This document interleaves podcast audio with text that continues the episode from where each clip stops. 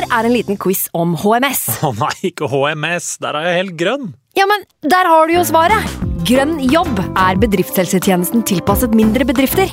Våre HMS-eksperter hjelper mer enn 8000 bedrifter over hele Norge med alt fra lovpålagte HMS-krav til pålegg fra Arbeidstilsynet. Få på plass bedriftshelsetjeneste på grønnjobb.no.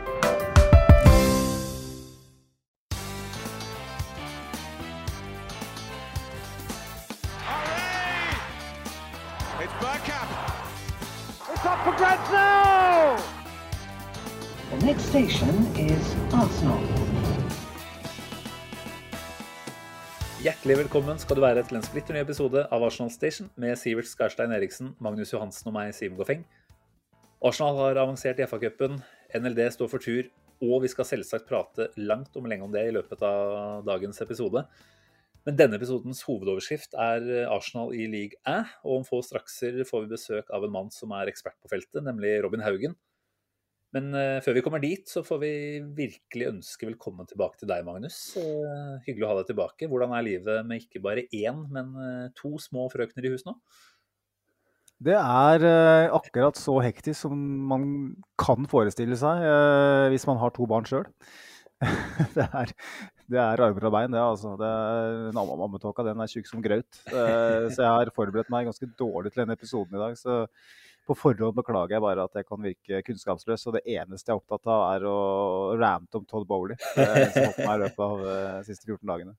Ok, Så når jeg sier at vi skal preview NLD, så lyver jeg egentlig. Vi skal egentlig bare snakke, få ut all dritten om Todd Bowley og Chelsea. Ja, hvis jeg får lov til det, så for all del. Men du Så- må holde med øra, da. Det er din jobb. Ja, jeg får ikke betalt for å være ordstyrer, så jeg tenker du står ganske fritt til å gjøre hva du vil her. Eh, ingen som kommer og eh, kjefter på meg fordi at ikke jeg har vært flink nok til å, å hysje på deg. Så du får gjøre akkurat hva du vil.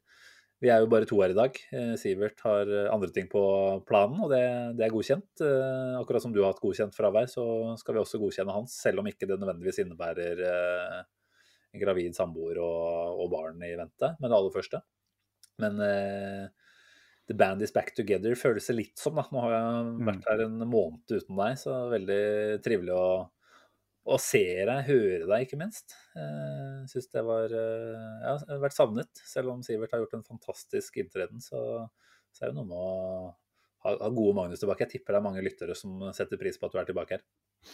Den eldre garde jubler når eh, gamlefar er tilbake. Eh, Jeg må jo bare eh, si det før vi går videre, Simen, at du og Sivert har levert på et skyhøyt nivå. Jeg har kost meg både på sykehuset og hjemme med deres episoder. Og dere klarer å begrense dere til sånn type 1 time og 9 minutter.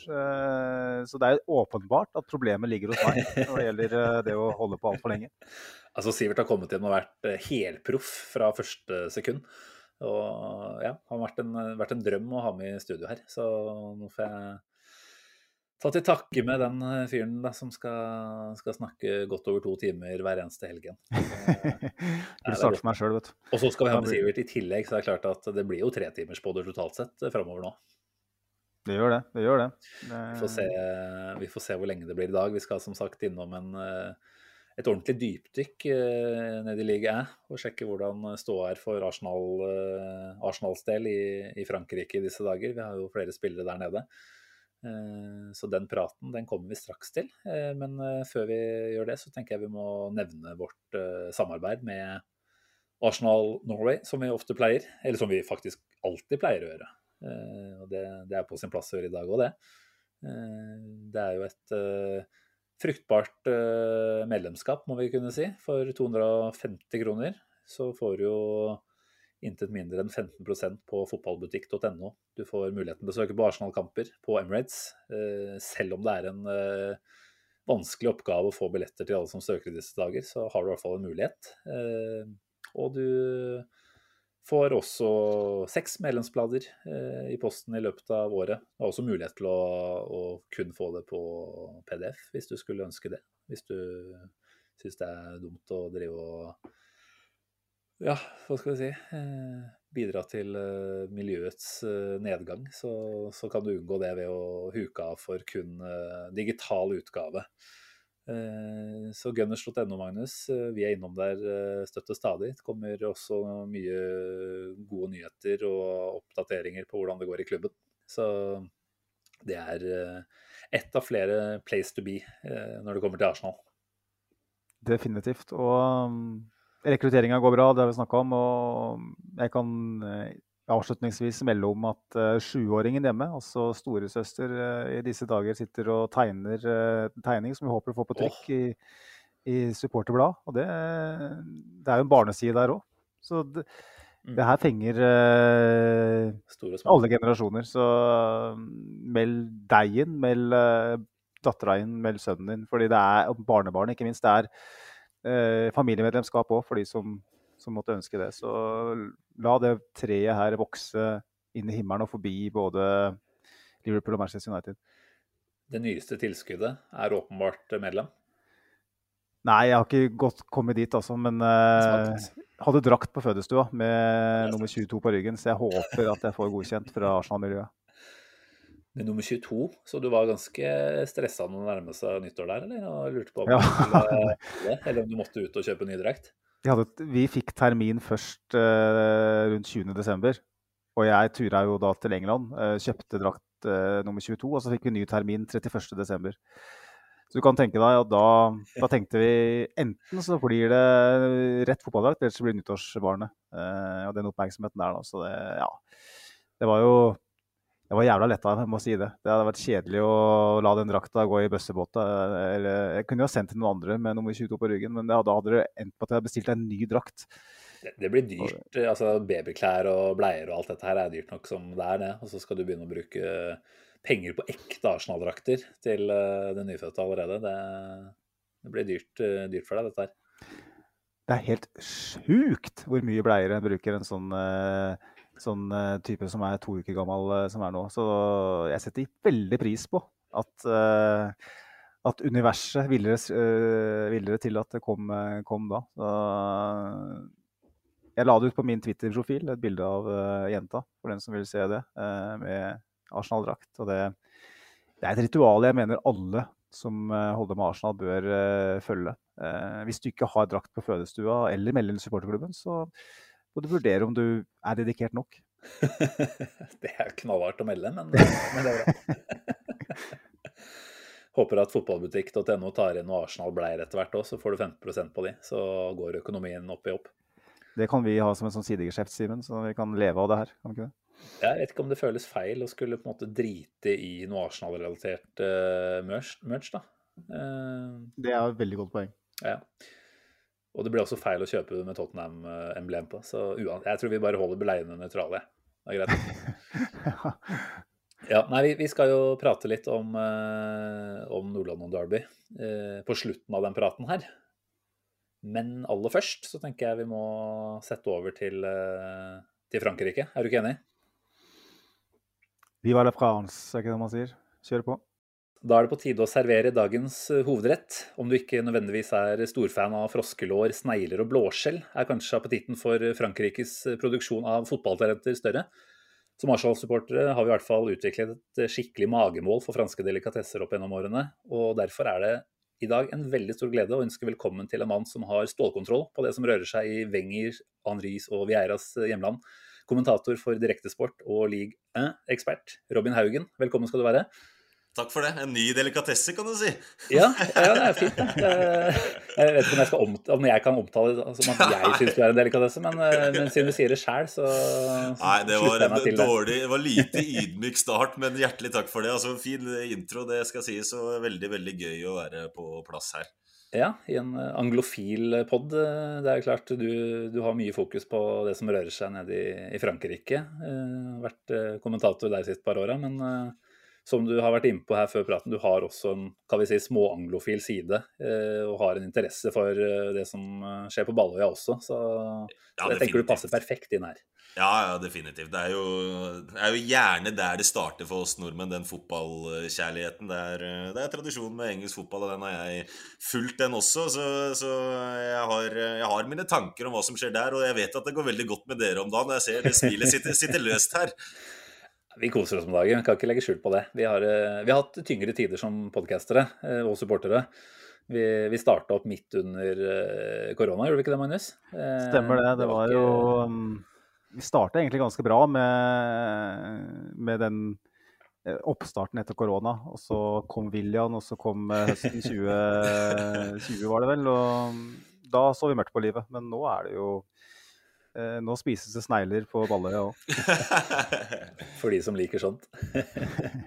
Åssen er det med, med disse delikatessene for deg? Har du måttet tilegne deg noen nye mategenskaper og kunnskaper ettersom Ja, fotballveien har tatt deg dit, eller? Ja, nå er det croissant til frokost, og det er bagett, og det er snegler til middag. Nei, det er ingenting av det. Jeg har ikke mat Mathverdagen og rutinene derfra har jeg ikke tatt på meg, men eh, mye nærmere den fotballen der nå har vært veldig gledelig bekjentskap. Å Mm. bli, eh, å få en kunnskap om det, det, det har vært veldig berikende. Mm. Definitivt. Ja, det må jeg tro.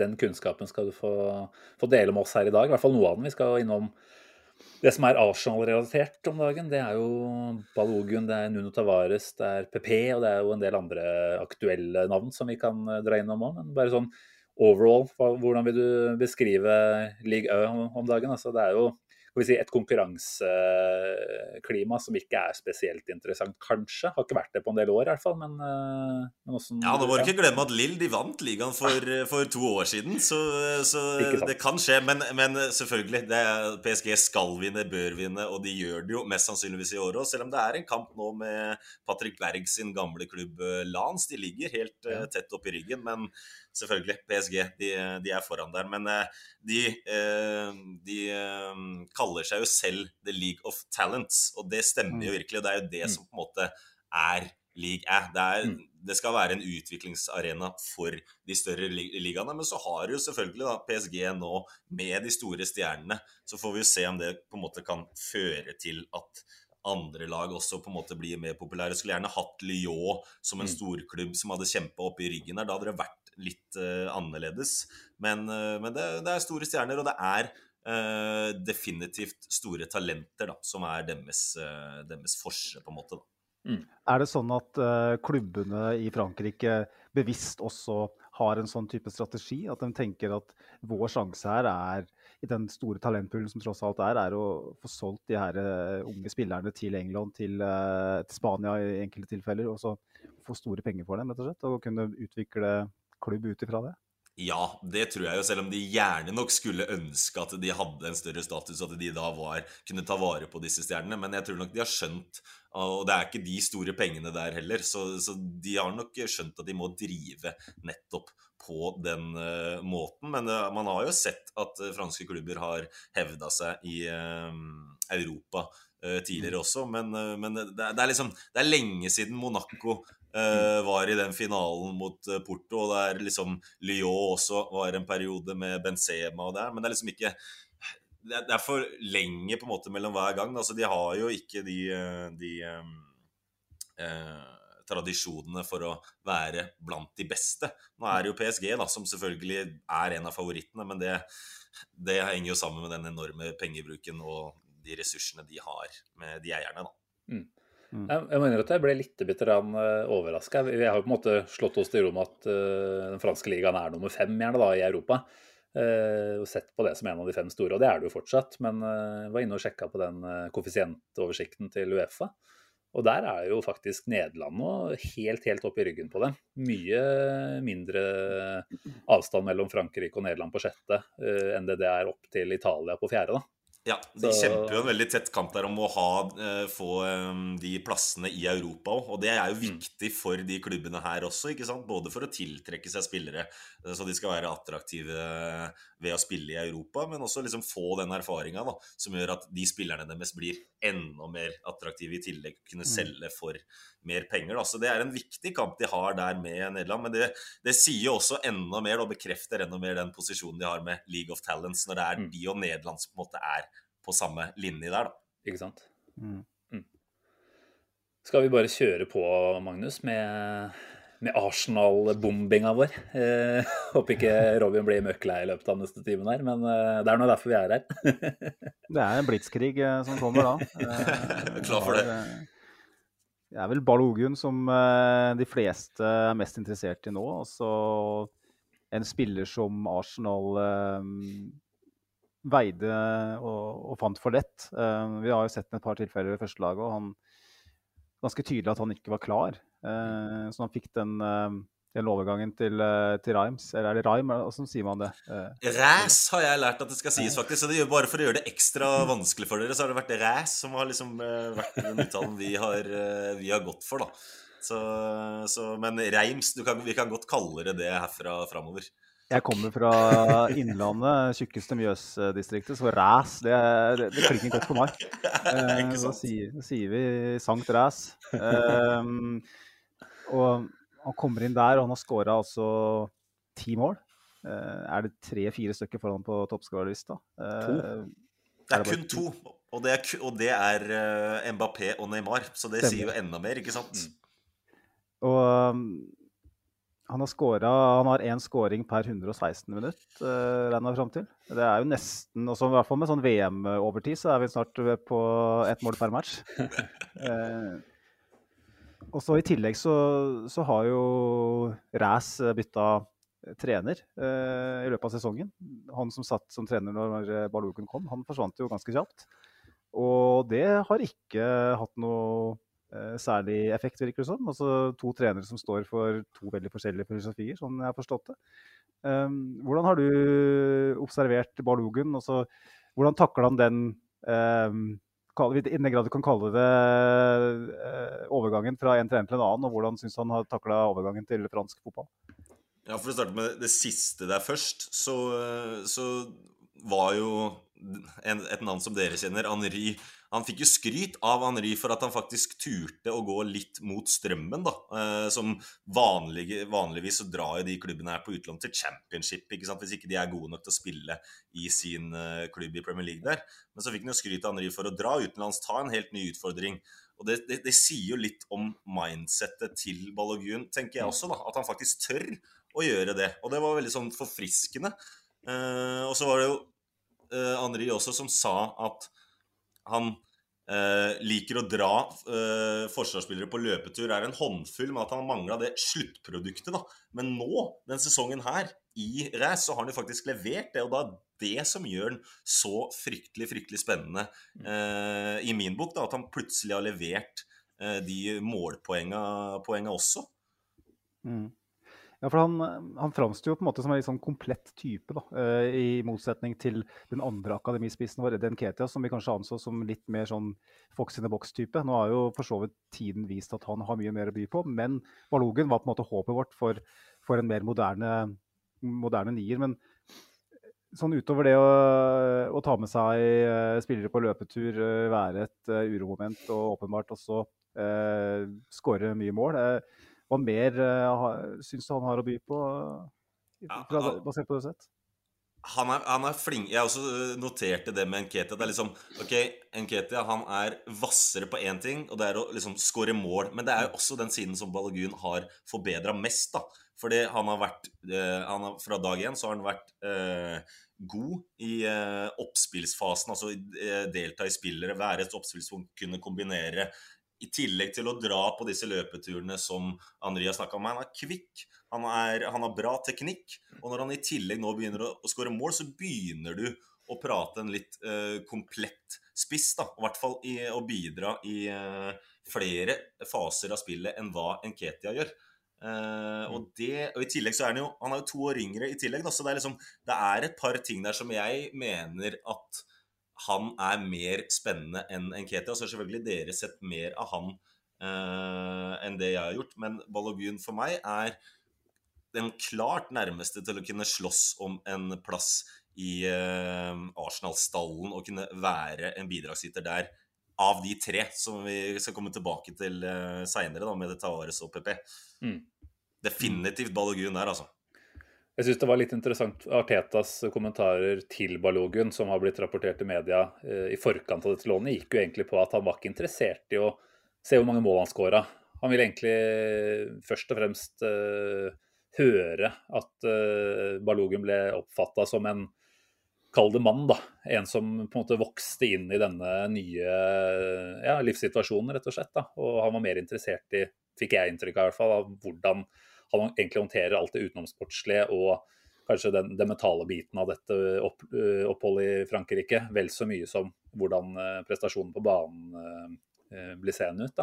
Har du inntrykk av, om du har sett noen intervjuer, altså måten han opptrer eh, i dette laget eh, i forhold til hva slags typer, sånn type rolle han har tatt på seg? Jeg skal ikke si for mye om det, men jeg, igjen så gjentar jeg det med liksom det mindsetet hans, at han tør å dra eh, mm. til et nytt land det vi har, vi har snakka om, at det har vært to nye trenere. Det har ikke sett ut til å påvirke han overhodet uh, ute, uh, ut på banen. Og det er jo veldig imponerende, og det sier ganske mye om han. da. Og så vet vi jo at Arteta er ekstremt opptatt av dette her også. At du skal uh, være en ordentlig type, du skal være profesjonell.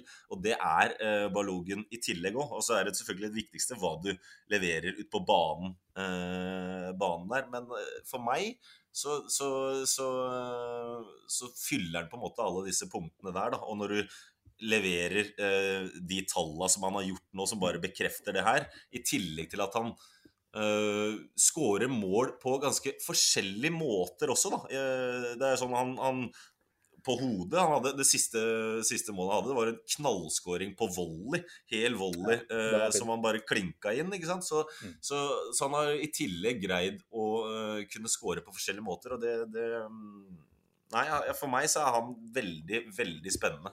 Mm. Jeg, så, jeg, jeg, jeg, skal bare ta ett spørsmål ja, før du kommer med, med tallene dine.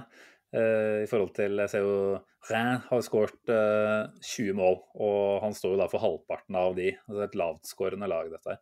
Uh, jeg regner med at det produseres relativt lite målsjanser, men ting tyder jo på at han omsetter en ganske stor andel av det. Jeg burde kanskje hatt noe tall på det som backer det, men er det ditt inntrykk òg, at han er altså Der vi igjen nå hyller Nketia for å være klinisk i avslutningssituasjonene, kan man også egentlig ja, tilsi at eh, Balogun gjør, gjør, det også.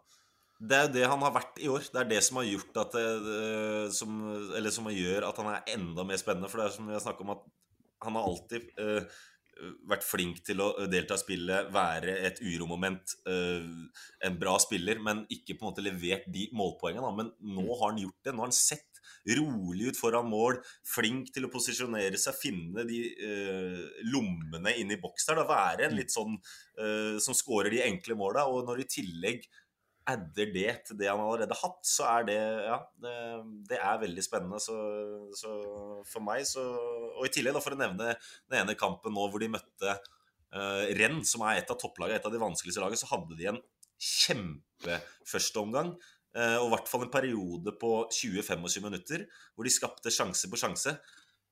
Han var involvert i alle. Mm. Både som tilrettelegger og avslutter inn i boks. Og det, det, liksom, det, det var en sånn bekreftelse på at wow, han, eh, han er virkelig hel ved, da.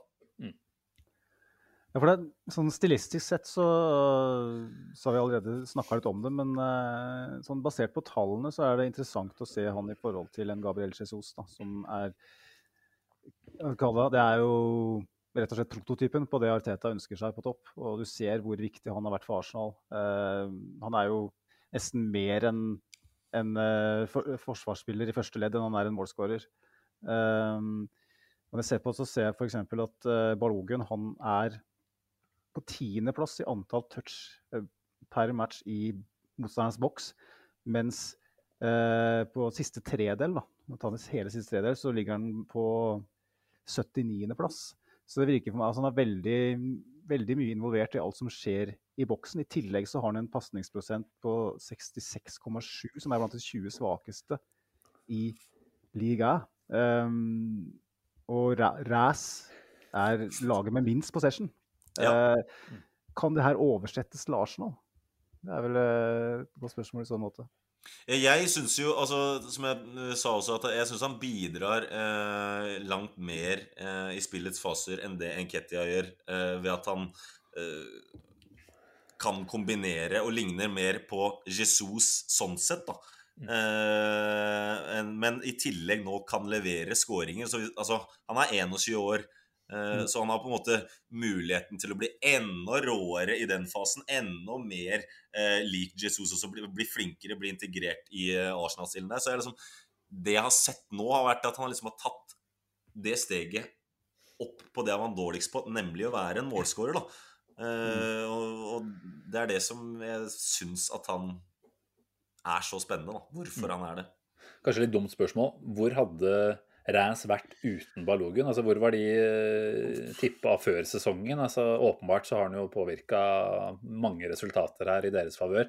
Eh, men jeg tenker mer, altså, med tanke på det Magnus kom med her, så er jo utgangspunktet for Balogun at han har et langt dårligere lag bak seg òg, åpenbart. Som er med å prege hans egne tall også, da, regner jeg med. Definitivt. De ligger jo midt på tabellen nå etter en rekke med ubeseira kamper. Han nye treneren har jo ikke, de har ikke tapt til han, så det har vært veldig vellykka. Men da har de også krabba på tabellen. Men før det så lå de jo eh, fremdeles nede i eh, den nedrykkssumpa. Nå er det fire lag som rykker denne sesongen her. Altså er, du er jo nesten der nede uansett hvis du er på nedre halvdel.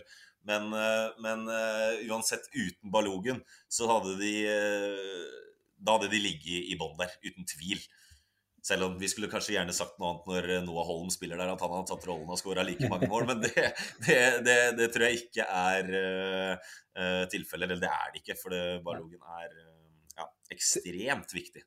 Siden du nevner Noah Holm, så må jeg bare ta et spørsmål der, selv om ikke det er sånn super Arsenal-relatert. Altså, når jeg er så spissa fra Erik Skjemstad som det her, så får jeg ta det med. Hvordan blir det med Noah Holm så lenge Balogun er der? Altså, må, må Noah Holm vente på, plass, på sin mulighet? Han starta nå bortekamp her når da Balogun var eh, suspendert. Også i cupen også, så er, var det han som fikk uh, muligheten for å start. Så han er, han, han er liksom andremann bak uh, Balogun. Altså kommer han jo innpå i, uh, i, uh, i kampene også, så han, han, får noen muligheter. Men, men for å si det veldig enkelt, han, han danker ikke Balogun ut av det laget der. Og så virker det som de spiller med én spiss til enhver tid. Uh, så får vi se om han kan bekle noen av de kantposisjonene. Men, men fysikken til Noah Holm, tror jeg, altså den, den, har vi sett at det, han står ikke tilbake for noen.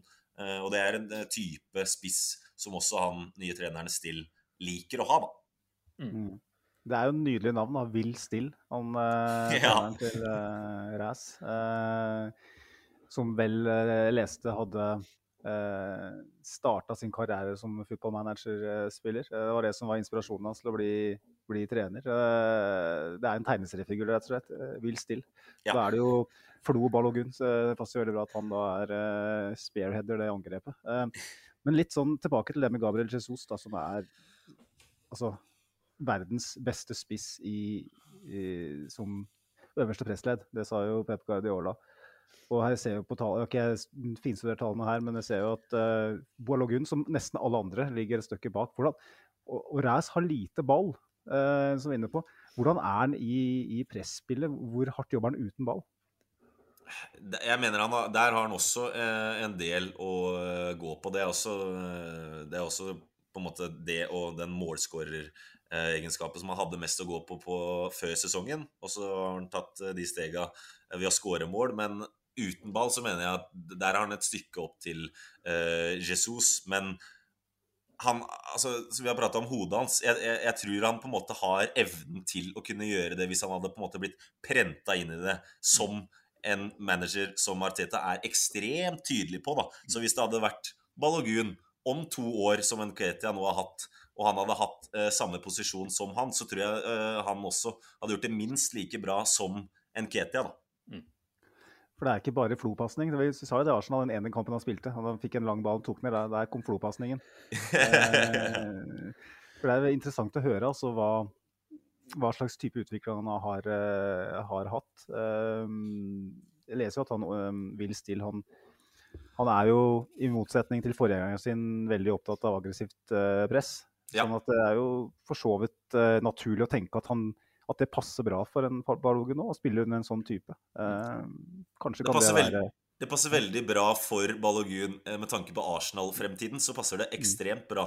Eh, og så hadde de jo en spanjol eh, tidligere som hadde veldig eh, ballorientert fotball. Altså det, er jo, det, er jo, på en måte perfekt, på en måte, for Arsenal vil også ha mye ball. Så nå har han jo fått eh, litt av begge deler, da. Mm. Drømmeutlån, rett og slett. Hvis vi skulle hypotetisk sett ha signert en Balogun eh, til sommeren, dersom han var eh, ræspiller, hvor mye måtte man ut med, tror du? Oh, summer og sånne ting, der er jeg dårlig på. Men, eh, men eh, det, det hadde jo ikke vært sånn ekstremt dyrt. Det hadde det jo ikke. Men eh, altså Si en 100 millioner, noe rundt der. Kanskje en Fofana-sum ish. Kanskje litt mer, da. Litt mer, ja. Ja. ja.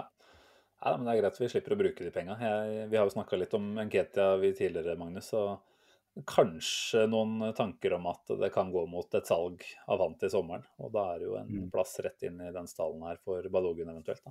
Todd Bowley kommer til å inflatere markedet enda mer. Så, innvendig, så jeg tipper han går for rett under milliarden, egentlig. Men han har Jeg så, jeg så han var linka til begge Milan-klubbene nå i, i pressen. Og da var det snakk om en 35-40 millioner pund. Det er da pressen sin eh, quote. Da. Så hvor de har henta det fra, det er jo helt umulig å vite. Mm. Men det er jo en sånn indikasjon på hva markedet tenker, da. Så jeg er veldig spent på eh, på hvis han fortsetter den målraten her, da, siden han får 20 eh, goller i liga, da med tanke på hva vi har betalt for eh, angrepsspiller fra Frankrike før, så er det mulig å gå på en smell der.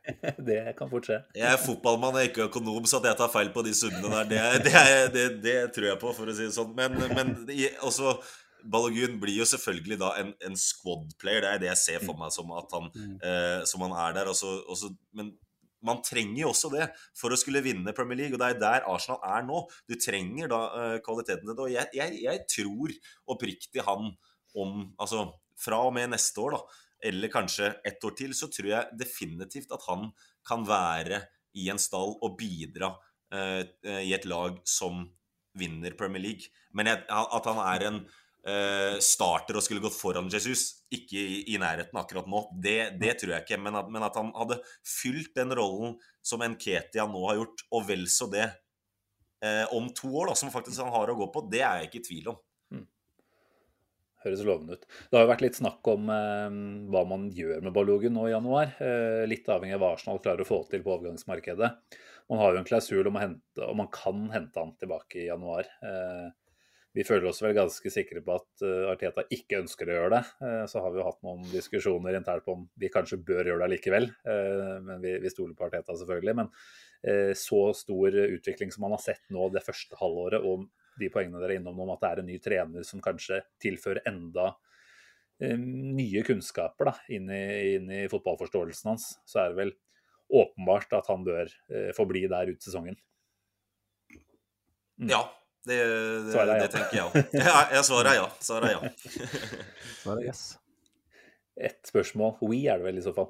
Eh, Vi fikk et eh, spørsmål fra Fleskspurven, som eh, stadig vekk er inne og serverer eh, fine spørsmål. Vi har jo snakka litt om nivået på ligaen allerede. Eh, Og det lurer jo han på også, og sikter da til at Lacassette har skåra like mange mål. Eh, Og han var jo altfor dårlig eh, for Arsenal og til å prestere noe som helst, egentlig, i Arsenal. Eh, uten at vi skal la dette bli en lang Lacassette-prat, kan du si noe om hvordan han har klart å komme seg opp i tosifra skåringer midtveis i sesongen?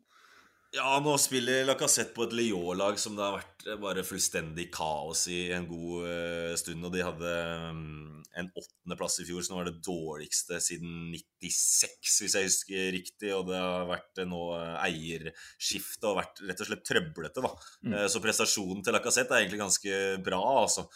Men jeg jeg skjønner jo poenget her med at han kommer fra Premier League og på en måte leverer så bra som han har gjort. og så så han ikke så god ut i Premier League på slutten der. Men, men eh, for å ta det med nivået i ligaen Ja, det er det vi prater om. Det er, eh, det er femte-sjetteplassen uh, i ligaer. Men det som jeg tror gjør uh, ligaen 1 såpass bra for uh, å utvikle talenter, er det tempoet og fysikken som er i ligaen. da. Jeg husker Pochettino, når han kom fra Tottenham og tok over PSG, så ble han helt sjokkert over hvor bra det var, da, og hvor intensivt det var. Eh, og relativt likt Premier League, eh, som han sa. At det ble han veldig sjokkert over, og det tror jeg også er en fordel for eh, Premier League-klubber når de henter spillere eh, fra ligaen, og også f.eks. da låner de ut, som, eh, som det vi har pratet om her. fordi det er så atletiske spillere med enorm fart, enorm fysikk og dette her. Og så er det nok ennå på en måte råere og hvassere Premier League. Det er det selvfølgelig. Men det er relativt likt da, sammenlignet med f.eks. Italia, hvor det er veldig taktisk. Og det her et, eh, eh, i La Liga, hvor det er veldig teknisk. Ikke sant? Mens det er mer likere Uh, Premier League med Ligue 1 med disse atletene. Eh, og det ser du jo litt på uh, spillere som også har lykkes nå i Premier League. Se på Bruno, Bruno Gimareish, f.eks., som har bare gått rett inn i Newcastle og heva de så mange hakk. En Onana på midten Mm. som, for Everton, som altså er en kraftpakke. da, Og når du har den delen av spillet i tillegg, så, så, så går du rett og slett inn i Premier League og tar det nivået der uten problem. Det her høres lovende ut, må jeg si. Eh, Fredrik Sandborg har også kommet med spørsmål. Eh, vi har allerede svart på første delen av det. Eh, han lurer på om, eh, hva vi tenker om Balogun tilbake som backup. Det har vi egentlig vært inne på. Eh, og så lurer han på eh, spiller Balogun for England eller USA i framtiden, tror du? Ikke har han på et eller annet tidspunkt mens han har vært i Frankrike nå snakket om det i det hele tatt? Eh, han var jo ikke med i noe diskusjon rundt USAs VM-tropp. Eh, tror jeg. Jeg har ikke fått med meg den i hvert fall. Eh, aner du noe om dette, Robin? Nei, ikke, ikke det. Jeg vet bare at han har hatt eh, U-landskamper både for USA og for England. Og så har han jo gjort det veldig bra i de um, U21-kampene han har spilt nå. Da har han vel seks mål på elleve matcher. Så jeg blir jo, jeg blir jo overraska hvis ikke England ser verdien i, um, i han også. Selv om USA vil nok på sin side De vil jo overtale han for det det er verdt. Eh, men, eh, men eh, det der kommer jo an på, på han, hva han tenker. Hvor har han mest sannsynlighet for å spille? Kjærligheten hans, hvor ligger den? Altså, det vet jeg ikke, men jeg har ikke sett noen uttalelser fra han om det. det har jeg ikke. Right. Skal vi bevege oss videre til nestemann på lista vår eh, over Arsenal-spillere i fransk, fransk fotball? Eh, I så fall så er det vel Nuno Tavares vi lurer på, eh, om du kan gi oss noen fasitsvar på. Det er også en kar som merkverdig, da, ikke sant. Altså har skutt og skutt og skutt mens han har vært i Arsenal. Helt uh, uinnstilt uh, kanon. Og så kommer han til liga og fyrer inn markkrypere uh, runde etter runde. I hvert fall i starten av sesongen. Så har det vel kanskje blitt et mål i det siste også. Eh, Hva er liksom ja, inntrykket ditt totalt sett av det du har sett av Tavares i Marseille til nå? Det er jo Saliba-effekten. Ikke for mål, men at han har, at han har tatt eh, steg, og at det, det er flytsone der. For han har skutt og skutt og skutt i Marseille, men nå har de gått inn. Eh, og, og som du sier, helt riktig, i starten av sesongen Han starta med et smell og skåra tre mål på de første fire kampene og var helt on fire. Han var vel den første Marseille-forsvareren på 40 år til å skåre i sine to første kamper, så det sier litt også om prestasjonen hans der. Eh, og så starta han på nyåret igjen nå, helt fantastisk med to skåringer eh, igjen her nå. Men så er det jo litt Tavares i et nøtteskall i den siste matchen her nå, hvor han skårer mål, men på slutten er så heit i hodet, da, eh, og klinker ned en, eller sparker rett og slett ned en spiller, får direkte uh, rødt kort der, og, og, mm, og det er litt han i et nøtteskall. At han i det ene øyeblikket uh, er fantastisk og bidrar offensivt, for det har han virkelig gjort. Men så i det neste øyeblikket så er det litt hodemist. Enten om det er i en form av en takling eller posisjonering, en feil, altså noe sånt, da. Eh, som, eh, som jeg føler har vært veldig eh, gjengående i eh, prestasjonen hans. Men han har vært ekstremt god og viktig for dette Marseille-laget, spesielt offensivt. da. Han har en, eh, et fantastisk driv og har vært eh, god til å utfordre. Så har han enorm motor og vilje, ikke minst, til å fosse opp og ned langs den eh, venstresiden. Og så er det det skuddbeinet som, eh, som han har hatt, da, som har virkelig løsna. Da snakker vi faktisk både med venstre og høyre. Ja, det er jo helt merkverdig. Jeg trodde ikke det jeg så en periode der.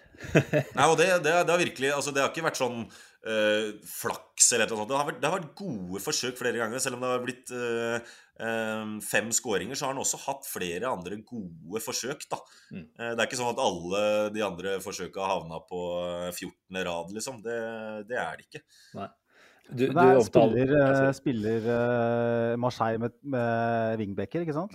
Ja, det er riktig. For det, for det Eh, er, det et, det er et poeng som jeg skulle komme til, at den wingbacken kler han jo veldig veldig godt, da, for da har han en ekstra defensiv eh, trygghet eh, bak seg. Og det er, jo, det er, jo, der han har mest å gå på. Den, eh, den, eh, den defensive strukturen og posisjoneringa. Eh, og jeg tror ikke jeg tror ikke han hadde klart seg like bra i en firer som det han gjør når han kan ha den offensive friheten til å gå eh, langs den venstre venstresida på den wingbacken. da. Men der har han vi stemme i. Det kan vi bekrefte, vel. Eh, selv om det var en god periode, en liten periode der, da han holdt Tierney ute av laget faktisk i forrige sesong. Men, eh, mm. men eh, han ble jo på en måte avslørt, kan du si, da, etter hvert som han fikk mer tid. Viste jo de defensive svakhetene særlig. Men det jeg syns var interessant med han, var jo at han hadde Du, du snakker jo om at han bomber ned høyrekanten, nei, venstrekanten. men jeg opplevde også i Arsenal at han i hvert fall i noen grad klarte å gjøre det Arteta ber om, om å trekke inn i banen, være en slags invertert wingback eller venstreback eh, og delta litt mer i det oppbyggende som Zinchenko jo selvfølgelig er helt rå på, eh, og som vi ser Tini også prøve på. Er det noe du har sett noe tegn til i Marseilles måte å spille på, eller er ikke det nødvendigvis en oppgave han har der? Nei, ikke i like stor grad. Det er mer å på en måte holde bredden og, og komme rundt da, mm. og bidra der. Men han har jo kommet inn Uh, og på siste tredjedelen isteden. Og kunne skjære inn og være liksom litt uforutsigbar der. At han kan mm. gå på venstrebeinet, svinge et innlegg. Man kan også skjære inn og skyte. da. Mm. Men, men, det du snakker om, er vel heller en tidligere fase i det oppbyggende spillet. Og det har jeg på en måte ikke sett så uh, mye, mye, til. Mm. Jeg syns jo òg egentlig at Tavares i Arsenal i fjor var han trakk en del inn, men stort sett da så forserte han ledd ganske fort og gikk veldig rett på. Men kombinasjonsspillet sentralt, som vi ser Zinchenko er helt ekstrem på, men som òg Tini eh, tidvis forsøker, eh, der, eh, der, så vi for så vidt ikke så mye. Det er mer som du sier, den uforutsigbarheten i den siste tredelen, når han da trekker inn på høyrefoten. For det, det faktum at han har en god høyrefot, er jo et kjempepluss. Men den taktiske disiplinen som kreves i en sånn rolle, det er jo egentlig en midtbaneposisjon, ikke sant? Spesielt i possession. Ja. Eh, basert på det du har sett, kan du se for deg at den typen her noen gang kan ha en sånn type rolle i et Arteta-lag? Svaret fra meg der, det er nei. Jeg tror ikke, jeg tror ikke det. Eh, og litt som vi snakka om at eh, vi var inne inn på i sammen med Balogen, hvor Arteta uh, hadde vært veldig fornøyd med på en måte, hvordan han hadde vært som person. Det jeg tror også det er på en måte et av ankepunktene mot Tavares òg, det, det, hodet hans. fordi både, Bare ta uttalelsen han hadde når han dro på utlån til Marseille, så var han veldig sånn Han, han ville egentlig at det, de skulle ha opsjon på kjøp, fordi mm. han, han, ville dra dit. det er, liksom, det er ikke noe du vil høre som en manager. Han er veldig frittalende og mister hodet, som jeg har vært inne på, med å sparke ned. Det er, liksom, det er ikke veldig eh, artetatsk, da. Det, i, det, I det hele tatt. Og det er på en måte mitt største ankepunkt mot han, for det han har jo noen kvaliteter offensivt som er veldig spennende, og som du liksom i noen enkelte kamper kan bruke han i, som han er veldig, veldig eh, fin å ha. Men, eh, men, eh, men, det er nettopp det der med hodet hans at eh, jeg tror ikke han har mentaliteten som Arteta ønsker. Både at han kan skape problemer på banen ved å finne på litt tull og tøys, og så er det også utenfor banen, ikke minst, som det kan være litt litt surr på. da. Og så er Det eneste ankepunktet jeg på en måte har, er jo Tierney som har slitt med de skadene sine. Det er på en måte eneste veien jeg kan se til at Tavares skulle fått en mulighet til å være den backup-spilleren. For Zizjeko har han ikke sjans til å danke ut. Men da måtte det vært at Tierney fortsetter å slite med de skadene, da, og at uh, de ikke kan ha han i laget hvor Tavares da hadde vært en backup. Men jeg tror ikke Arteta vil stole på portugiseren. Nei. Nei, og altså, Du snakker om Saliba-effekten, om at man kanskje kan antyder at man ser litt av det samme her, men, men, jeg tror jo ikke det vil ha den effekten for Tavares at han faktisk blir recalla til Arsenal til sommeren. Eh, som dere Det er ikke så mye av den rollen han har som er overførbart til dagens Arteta-ball, for å si det sånn. Eh, så det kan vel hende at man Altså Nå er jo Marseille kanskje ikke det mest pengesterke klubben i, i Frankrike lenger, men eh, men med tanke på ja, det han har holdt på med der nede, så kan det vel hende at det er en interesse for å beholde han, eller? Og hvordan er i så fall de økonomiske mulighetene der eh, for Marseille? Altså, Jeg tror ikke Arsenal kommer til å kreve store penger i så fall, men eh, man betalte vel en 7-8 millioner pund. og hvis man er i, i det sjiktet der, da, tenker du i hvert fall at det er eh, noe Marseille ville kunne legge ut? Ja, det, men jeg tenker også er maks, men jeg tenker også det er interesse eh, definitivt fra Marseille. For han, han kler også den rollen veldig godt. Og så er det en eh, spiller som eh, også passer inn i systemet til Tudor. For han elsker på en måte spillere som har ork, som har en passion. Eh, og, og, det har Tavares. Eh, og han har også Jeg må presisere det at offensivt så har han vært fantastisk. Det er, ikke, det er ikke, bare det at liksom, ja, han har bidratt, han har scora mål, men det, han har vært veldig veldig god der. Men det er jo bare det jeg snakker om som er det største ankepunktet. Det er at du ikke kan stole på han nok da, i en forsvarsfirer til å ha han. Uh, og Det er derfor jeg ikke ser for meg at han uh, har noe framtid i Arsenal, men at han har en framtid i Marseille og kan gjøre en god figur for storeklubben. Han har jo spilt Champions League-fotball den uh, høsten her, så, så, og han har vært uh, ganske bra. Så, så, at han har en fremtid i en stor klubb, ja, det kan han ha, men da må han ha uh, en rett rolle, da. Mm. For han. For det, for det, må jo være et marked for en sånn type. altså Det er mange lag som spiller med, med vingbekker i dag. og Atalanta var jo bl.a. linka til. Eh, lett å se for seg at en sånn type klubb kunne ha vurdert en Nuno Tavares. Så om Marseille ikke er betalingsdyktig, så jeg, jeg tror fort vi kan doble pengene våre på, på han. altså. Wow.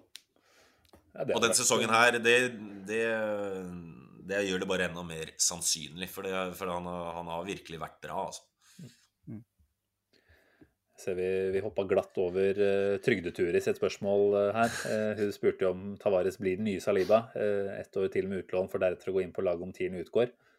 Kanskje er vel da det vi må kunne strekke oss til maks der. Ja, det er maks. For det Saliba, som jeg sa, det, det meldte jeg tidligere i fjor. Altså, han er perfekt match for Arsenal. Og han, i mitt hode så er han et av de største stoppetalentene, hvis man kan kalle han et talent ennå. Eh, i verden. Så hvis han bare luker bort de ja, feilene han ennå har, og tar den konsentrasjonen opp til et nytt nivå, så har han jo alle forutsetninger til å bli verdens beste midtstopper. Mm. Deilig å høre. det stemmer godt overens med det vi har sett uh, i år. Og vi hadde jo Paul Thomas eh, Clay her. Um, begynner å nærme seg et par år tilbake, Simen, tror jeg. Ja. Uh, mens uh, Saliba fortsatt spilte i Frankrike. Og han kunne ikke forstå at Arsenal ikke henta han allerede da. Eh, tilbake i stedet for en Rob Holding f.eks., som har spilt mye. Eh, spilte mye på den tida. Eh, og så begynte skepsisen å vokse. ikke sant? Og så Hvorfor henter man ikke tilbake? Og så bare kommer han inn og er nest, han nærmer seg Gud i midtstopperduoen sammen med Gabriel der. Så det, det, er godt å høre at du har samme, samme syn. Mm. Skal vi hoppe videre til uh, siste Arsenal-spiller uh, på plakaten? Vi har jo litt andre ting vi skal gjennom oss. Vi får prøve å skru opp tempoet bitte lite grann. Uh, Nicolas PP i Nå holder jeg på å si Lill, er det riktig? Nei, det er Nei, klubben han var i felt. NIS er riktig. NIS, er vi tilbake igjen, ikke sant? Ja. Det er merkelig at jeg klarer å blande såpass, men greit.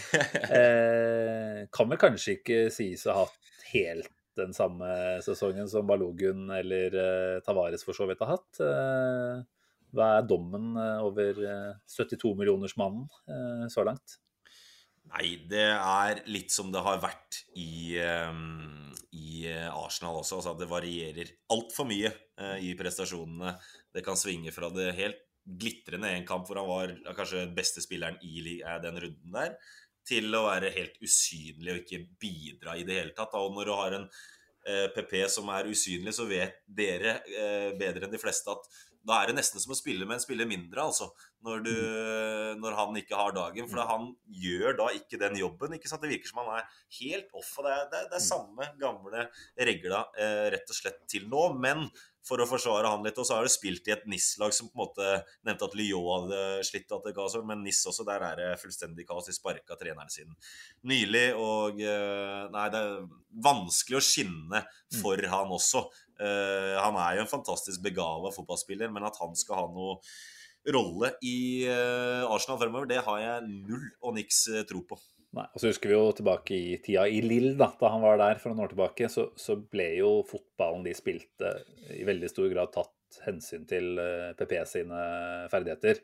Det var vel nesten en uttalt plan fra president og trener om at her skal vi virkelig få den karen til å skinne denne sesongen her, sånn at vi kan få maksimalt ut av den eh, overgangen. Og det, det, klarte de jo, takket være Raoul Sané. Eh, og, og de, de, omstendighetene er jo ikke til stede her nå i, i NIS, som på en måte i større grad ber han om å tilpasse seg eh, det de ønsker, hvis de vet hva det er. Og da faller han i større grad igjennom, rett og slett. Da. Ja, definitivt. Og så er det et eller annet med Det var en grunn til at Arteta ikke ville ha han i laget sitt, satsa det, og, den, og det, det, det, er rett og slett ikke noe match, eh, Arteta og PP. Eh, så det, det, er egentlig, altså, Han er den jeg på en måte har eh, skrevet minst om og forberedt meg minst eh, om til i dag. fordi det er sånn, det, det veit jeg er død. Den, den, den, er helt død. Den er ferdig. Mm. Altså, ja. Det er ikke noe å diskutere på det. Det eneste jeg hadde håp om rundt den, uh, det utlånet her, det var jo at han skulle gjøre en såpass god figur at forhåpentligvis PSG da, kunne tenke at ok, men her smeller vi av 25 mil. da. Uh, det høres ut som vi er relativt langt unna det. Ja, det er det, men han, altså, han har skåra fire mål på 14 kamper. Han, han, er fremdeles en god spiller på sitt beste, men jeg tror veldig mange har eh, skjønt nå, som du sa, at du må legge taktikken veldig opp etter han. Da. Det, er, og det må passe han perfekt. Og så I tillegg så er det da en, alltid en risiko, risiko om ja vel, vil det fungere likevel? Vil vi nå få det beste ut av han? Han er 27 år, han skal i utgangspunktet være i primen sin, men nå har det liksom vært eh, veldig mye opp og ned fra han. Da. Og det mm. tror jeg gjør at eh, klubber er usikre og ikke har lyst til å legge de store summene på bordet. Da. Men eh, så, Vi snakka om at Arsenal eh, hadde null og niks plan annet enn eh, Sanier-ambisjoner når vi, når vi hentet han. Eh, nå har ikke jeg sett NIS eh, spille denne sesongen. her. Er det, hadde NIS en like dårlig plan for PP eh, som, som Arsenal? Spiller dem i det hele tatt på noe som helst slags vis som kan passe PP, eller har han havna igjen i en klubb som uh, Simen sier, hvor han må tilpasse seg? Ja, og det har vært, ja, det har han. Og han har spilt både uh, spiss, kant, uh, han Fevre har variert i formasjonen, så det er jo liksom vært en klubb og en trener som har leita etter konstellasjonene og etter svara, og ikke funnet det. Og det er selvfølgelig det, det, igjen gjør at det er vanskelig for PP å skinne. da, Så skal jeg ikke legge alt på hans sine skuldre der. Men, eh, men allikevel så eh, Det hjelper jo ikke Arsenal sin sak, som på en måte vil ha høyest mulig verdi for han. da. Og kontrakten hans går vel ut neste sommer, så fort jeg eller hvis jeg, jeg. Jeg sjekka det nå. 24-sommeren, ja. Så, ja. så, det tilsier jo sannsynligvis et nytt utlån uh, neste sesong. Altså en symbolsk overgangssum i beste fall, da. Ja, og verdien går jo kraftig ned når han da har bare ett år igjen på uh, kontrakten sin. Og da er det på en måte ikke Da, da kan hende noen klubber venter det halvåret eller det ene året på uh, eh, PP, da istedenfor å legge de store summene på bordet. Mm. Eh, du hadde ikke mer på blokka om PP? Det høres ikke ut som vi har det heller, Magnus? Nei, det var som forventa, det her også. Ja. Så vi får bare glede oss til uh, Godeste Edu Gaspar eh, kommer ut fra stekeosen og forteller at vi dessverre måtte betale ut kontrakten hans eh, i januar eh, 2024. Eh, sånn er det bare av og til. Så da, da, tenker jeg, Simen, at du som ikke befinner deg eh, og har lest innspillet jeg har fått på Twitter, hvis det er noe, er det noe der vi kan ta med oss? Vi har uh, fått uh, mye innspill, som vanlig. Uh, og som alltid syns vi jo det er veldig stas. Så da må vi prøve å, å få inkludert de fleste av de i, i praten her også. skal vi se. ja, et stort spørsmål som jeg regner med at Robin sikkert har noen tanker om. Det kommer fra Jonas Lundsvold. Eh, spør om det er noen spillere som hadde passet Arsenal fra league Ø per i dag. Eh, og hvor hadde de eventuelt passet inn? Eh, gjerne noen ikke altfor kjente. For det er klart, vi, vi vet jo at Mbappé hadde passa inn i Arsenal. eller eller kanskje ikke, faktisk. Vi kan sikkert ta en egen diskusjon på det òg. Men, men, noen andre enn de absolutt store navnene, er det sånn at du ser for deg noen åpenbare der? Jeg har ett navn som jeg mener hadde passa perfekt inn i Arsenal, og egentlig andre klubber også. Eh, og det, det, kan jo fort hende dere har hørt om det navnet der også, at ikke det er så uh, ukjent. Men Seko Fofana, det er en spiller som har kommet mitt hjerte nært. Og han er 27 år, og han er det er for meg et mysterium at han spiller i LAN. Selv om de gjør det veldig bra nå. Da. De ligger på andreplass uh, og pusher PSG.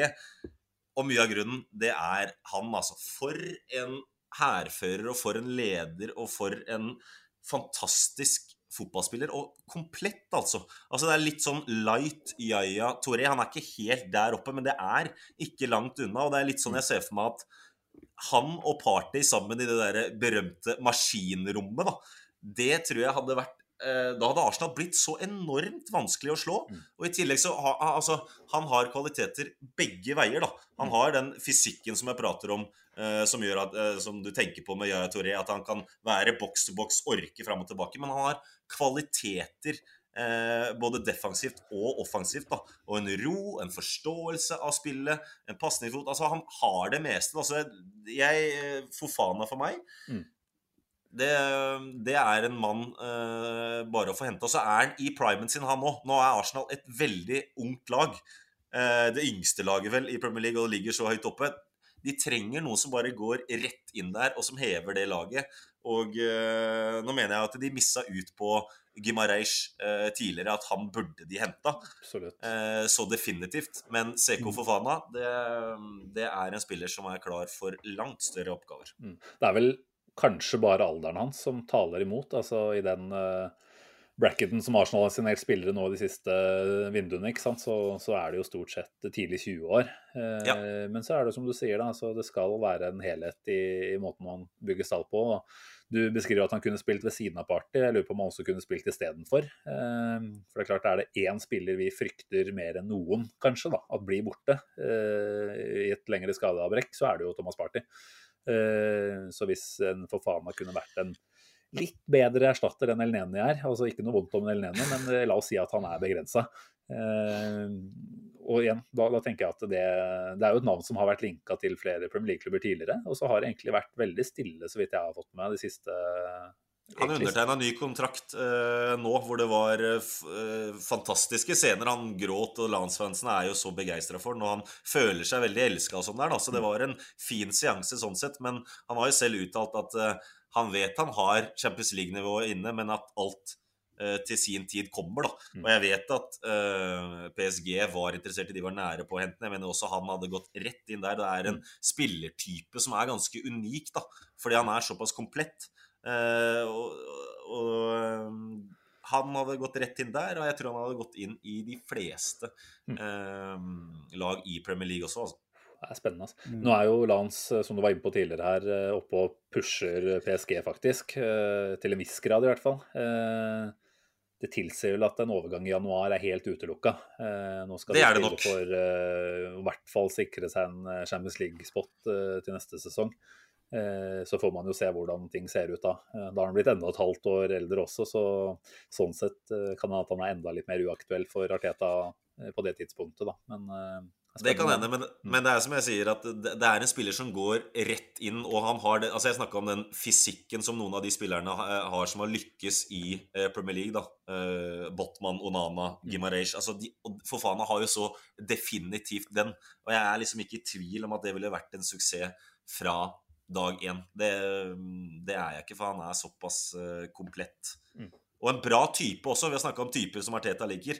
Han er en leder, altså en lagspiller. altså Det er ikke noe galt med Han jobber knallhardt. og er liksom, Du ser ute på eh, banen at de ser opp til han. Han er som jeg sa, en hærfører, rett og slett.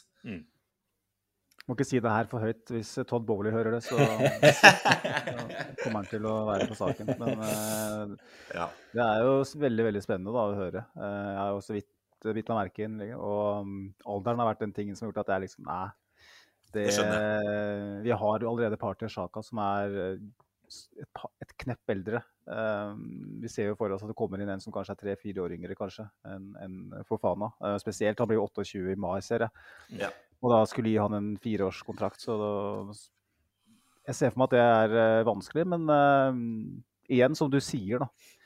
Men, men Eh, se igjen på effekten. Altså sånn Du skal ikke legge han på hylla til Casemiro, for det er han det er han jo ikke. Men du må ha noen som kommer inn fra dag én og bare OK, det her Og setter standarden. Og jeg tror han hadde vært en sånn type spiller som Mm. hadde både hadde hevet eh, kvaliteten på banen, men også vært en enorm et enormt løft i garderoben. For han, Mm. jeg, jeg, jeg, tror han er en personlighet der òg, eh, og en leder. Så det Ja, det, det er store ord, men akkurat han har jeg veldig fått eh, sansen for. Altså en forkjærlighet for. Vi hadde jo Paul Thomas Clay sin shout når han var her. Eh, for to år siden var Chouameni. Ja. På det tidspunktet så hadde vi knapt nok hørt om ham, og nå er han Champions League-vinner vel med, med, Real Madrid og VM-finalist med, med, Frankrike. Så vi, vi, tar til oss det, altså. Spennende ja. å høre hvorfor. han er jo ikke, han er ikke like talentfull som uh, Chouameni, men, uh, men, uh, men, det er nok av de i ligaen. Og så er det jo mm. et annet navn som jeg mener også hadde vært aktuelt, men som nå nylig fikk en veldig, veldig stygg skade. og det er Martin Terrier. Ja. Vet ikke om du har hørt om han, men det er også spiller i renn. Mm. Og han er en elegant fotballspiller, men som også har, har den arbeidsmoralen og, og, det trøkket i spillet sitt, samtidig som han, kan skåre mål. Hode med venstre, med høyre. Veldig smart fotballspiller. kan bekle spissrollen venstre kant. Hadde vært en veldig sånn typisk Arsenal-spiller, sånn jeg ser for meg òg eh, faktisk. Eh, men, eh, men, han fikk en stygg skade nå som gjør at han er ute i Ja, det kan fort bli et år, altså, i kne. Ja. Det var en annen forfane jeg også bare ville spørre om. Du nevnte Seko. Eh, Yusuf Fofana, eh, Monaco-spiller. Eh, ja. Landslagsspiller òg, har jeg i hvert fall registrert at han er. Jeg vet ikke hvor mye spilletid Han var jo med i VM nå. Ja. Jeg fikk noen minutter der, altså. Også en sentral midtbanemann med defensivt anlagte oppgaver, først og fremst. Som jeg på en måte igjen har tenkt hvem kan være backupen til Party? Er, er han i nærheten av å kunne gjøre en sånn type jobb, tror du? Ja, det er han. Men det, det det er liksom ikke, det er, det er ikke den wow-faktoren som jeg tenker med, med Seko, for faen da, eh, som eh, med han. Men, men, han har jo noen år på seg i tillegg, da, og det er jo i den aldersgruppa som dere så for dere. Og mm. definitivt en, eh, en, mann som kan ta de stegene der. Det sier jo litt da når det er fransk landslagsspiller, selv om de har hatt en del skadeproblemer som gjorde at han fikk den plassen. Mm. Eh, men det er, ikke, det er, ikke, en spiller som jeg tenker ja, definitivt. Det er det ikke. Litt mer usikker. Eh, men det er klart, eh, Monaco de har produsert eh, spillere som har blomstra i større klubber. Jeg nevnte Chouameni, men Fabinho altså, Det er flere av de. Mm. Greit. Eh, har... Da er det vel igjen, kremspørsmålet vårt, er det ikke det vi mangler her? Eh, ja, du tenker på fra eh, Haugland? Var det det du skulle innom? Eh, hvem som skrev det, husker jeg ikke. Jeg bare noterte meg det. Det var en fra Børre, Børge Stavenesli. Å oh ja, det har ikke jeg fått med. meg. det er bra. Det er fint at du er på jobb. Hvem er topp fem spillere under jo, 21 år i fransk liga? Den er jo, den er jo, det er et vanskelig spørsmål, da, men jeg skjønte Robin, at du hadde notert det sjøl og forberedt deg litt? Grann. Ja, jeg har laga en topp fem-liste, så ble jeg spurt om å ha altså på talenter. Og jeg har, eh, det er under 21 år på fire av de, men så tenkte jeg at jeg må inkludere en eh, keeper også. Mm, eh, som, eh, som, skal være med på den lista. Og han er 23. Men så vet vi at keepere de har jo noen år ekstra enn utspillet. tenker jeg, Da må den på, forskjellen på to år være grei. Eh, så da tok jeg med Nantes-keeper Alban Lafont. Han er 23. Er han fortsatt bare 23? Det er helt sykt. Ja. fordi han, altså FM-karrieren min har for så vidt fått uh, blitt liggende på hylla en liten stund nå, men uh, dette er jo tilbake på FM 17 eller noe sånt. Altså, ja. Han var jo brukbar allerede da, egentlig. Han er 23 år bare, altså. Ja, og han er brukbar uh, ennå. Han har vært veldig, veldig god. Han hadde en helt spinnvill kamp i fjor mot PSG, når Nantes slo de 3-1. Og da fikk han ti av ti på børsen eh, i Lekip. Og det wow. altså for Det er en streng avis, bare for å si det sånn. Han blei da eh, den 13. eller 14. spilleren i historien til å ha fått det. Og han altså jeg, har ikke, jeg, har ikke, sett maken til redninger. og det, liksom, det, sier noe om toppnivået hans, men han har vært veldig veldig stabil og god for dette Nantes-laget. Jeg ble veldig overraska da han ikke var med i uh, den franske landslagstroppen i VM der. Da var Steve Mandanda uh, Jori og Hvem var sistemann der? Manja, eller? Ja, nei, det var ikke Manja. Det var, eh, det, nå husker jeg ikke farta nå, men det var i hvert fall en annen. og Det var, sånn, det var veldig, veldig overraskende. Jeg tror han kommer til å bli fransk landslagskeeper på mm. sikt. Men det er ikke akkurat keeperposisjon dere trenger. Men jeg ser for meg deres argeste rival. Dere skal vel prate litt om Tottenham etter hvert. Og det er jo en mann som kan ta over for Jori og, og være en god match der. Er han en mer moderne keepertype? Er han god med ball i beina og sånn som man trenger i, i dag? Tja. eh, Det er ikke hans sterke side. Han er klart best på strek, men, men, eh, men, eh, men han, er ikke, han er ikke krise der i det hele tatt. Han Men er ja, en veldig, veldig, veldig spennende type, da. Mm. Så skal vi gå videre til Ja, la fjerdeplassen. oss, eh, la oss gå videre til fjerdeplassen. Og Det er en mann som har blitt linka til uh, dere, og det er Eli Wahi, eh, Montpellier-spilleren som er 20 år. Uh, spiss, som han først og fremst uh, har spilt. Og han, er, han har skåra syv mål denne sesongen her. Eh, han har et skåringssnitt på mål hvert 174. minutt i løpet av hele karrieren hans. da. Og nå er han 20 år. og det, det, det høres kanskje ikke sånn fryktelig imponerende ut, men da har han altså kun spilt League A-fotball fra han var 17 år. Og det er fordelt på Det to er og en halv sjukt sesong for en så ung spiller. da. Mm. Så det er veldig imponerende. Det er snakk om mål i annenhver match. match. Det er helt Eh, utrolig. Det er 19 mål en 38-kampersesong. Da Ja. er du snuser på en andre-tredjeplass på toppskårerlista. Så det er fantastisk imponerende. Ja, så, og det er liksom fordelt på minutter, dette her. Og han ble jo den andre spilleren til å nå 20 mål før fylte 20 år. Til sammenligning så hadde Benzema 18 skåringer, og det er jo selvfølgelig Mbappé Ja, ja. som er den andre spilleren som hadde 41, som bare skal utkasse det på, på den måten der, selvfølgelig. Men det, det sier også eh, en god del om eh, han, da. Og han har et skyhøyt eh, potensial. Mm. Men litt som vi har snakka om eh, tidligere, og noe av skepsisen eh, både til han og til linken til Ar eh, Arsenal og Arteta, det er at han utenfor banen Det er litt trøblete der. Eh, han har hatt eh, en del utfordringer, og kanskje fremdeles har, eh, på utsida av fotballbanen. Han har tidligere blitt kasta ut av skolen pga. usmakelig oppførsel hvor han hadde trakassert medstudenter. Og I tillegg så har det vært noen rapporter på noen andre tilfeller hvor han har hatt litt trøblete atferd. Og han tidligere treneren som nå ble sparka i Montpellier, han ut, eh, uttalte noe sånn som at du må alltid eh, guide den og gi det råd og være en farsfigur noen ganger. Noen ganger være den strenge, noen ganger være han kule. Men, og at man er nødt til å forstå at, få han til å forstå at talent ikke er nok. da. Mm. Uh, og at hans utfordring på banen er også å finne den rette balansen mellom å være en egoistisk spiss og det å vite hva som er best for laget. da. Mm. Så det sier jo litt uh, om utfordringene han har som type, da. Men allikevel, det er jo de beste managerne får jo også slike spillere til å skinne. ikke sant? Behandle de ulikt og den biten der. Men det gjør at jeg er litt skeptisk til spesielt Arsenal og Arteta, da, som er veldig nøye på det her. Nettopp, og, og det er lett å få noe Gundosi-vibber når du sier det du gjør her. Og vi Ja. vet jo alle hvordan den eh, historien har endt. Så Ja. sånn sett så høres det ikke ut som det er en eh, Det er ikke safe bet at han går til Arsenal i sommer. Da tror jeg vi heller kan sette penga på at Balogun returnerer. Ja, nettopp, men, men, men potensialet hans setter jeg over eh, både eh, Balogun eh, og Enketa, som på en måte eh, er i den hylla. For det, det er skyhet. Han er ekstremt rask, flink til å uh, kunne kombinere, kan også bekle en venstre kantposisjon. Eh, og så har han bare en nese for mål. Da. Han også kan score på forskjellige eh, typer måter, og ikke minst på akrobatiske måter. Han har liksom evnen til å score de helt spinnville måla.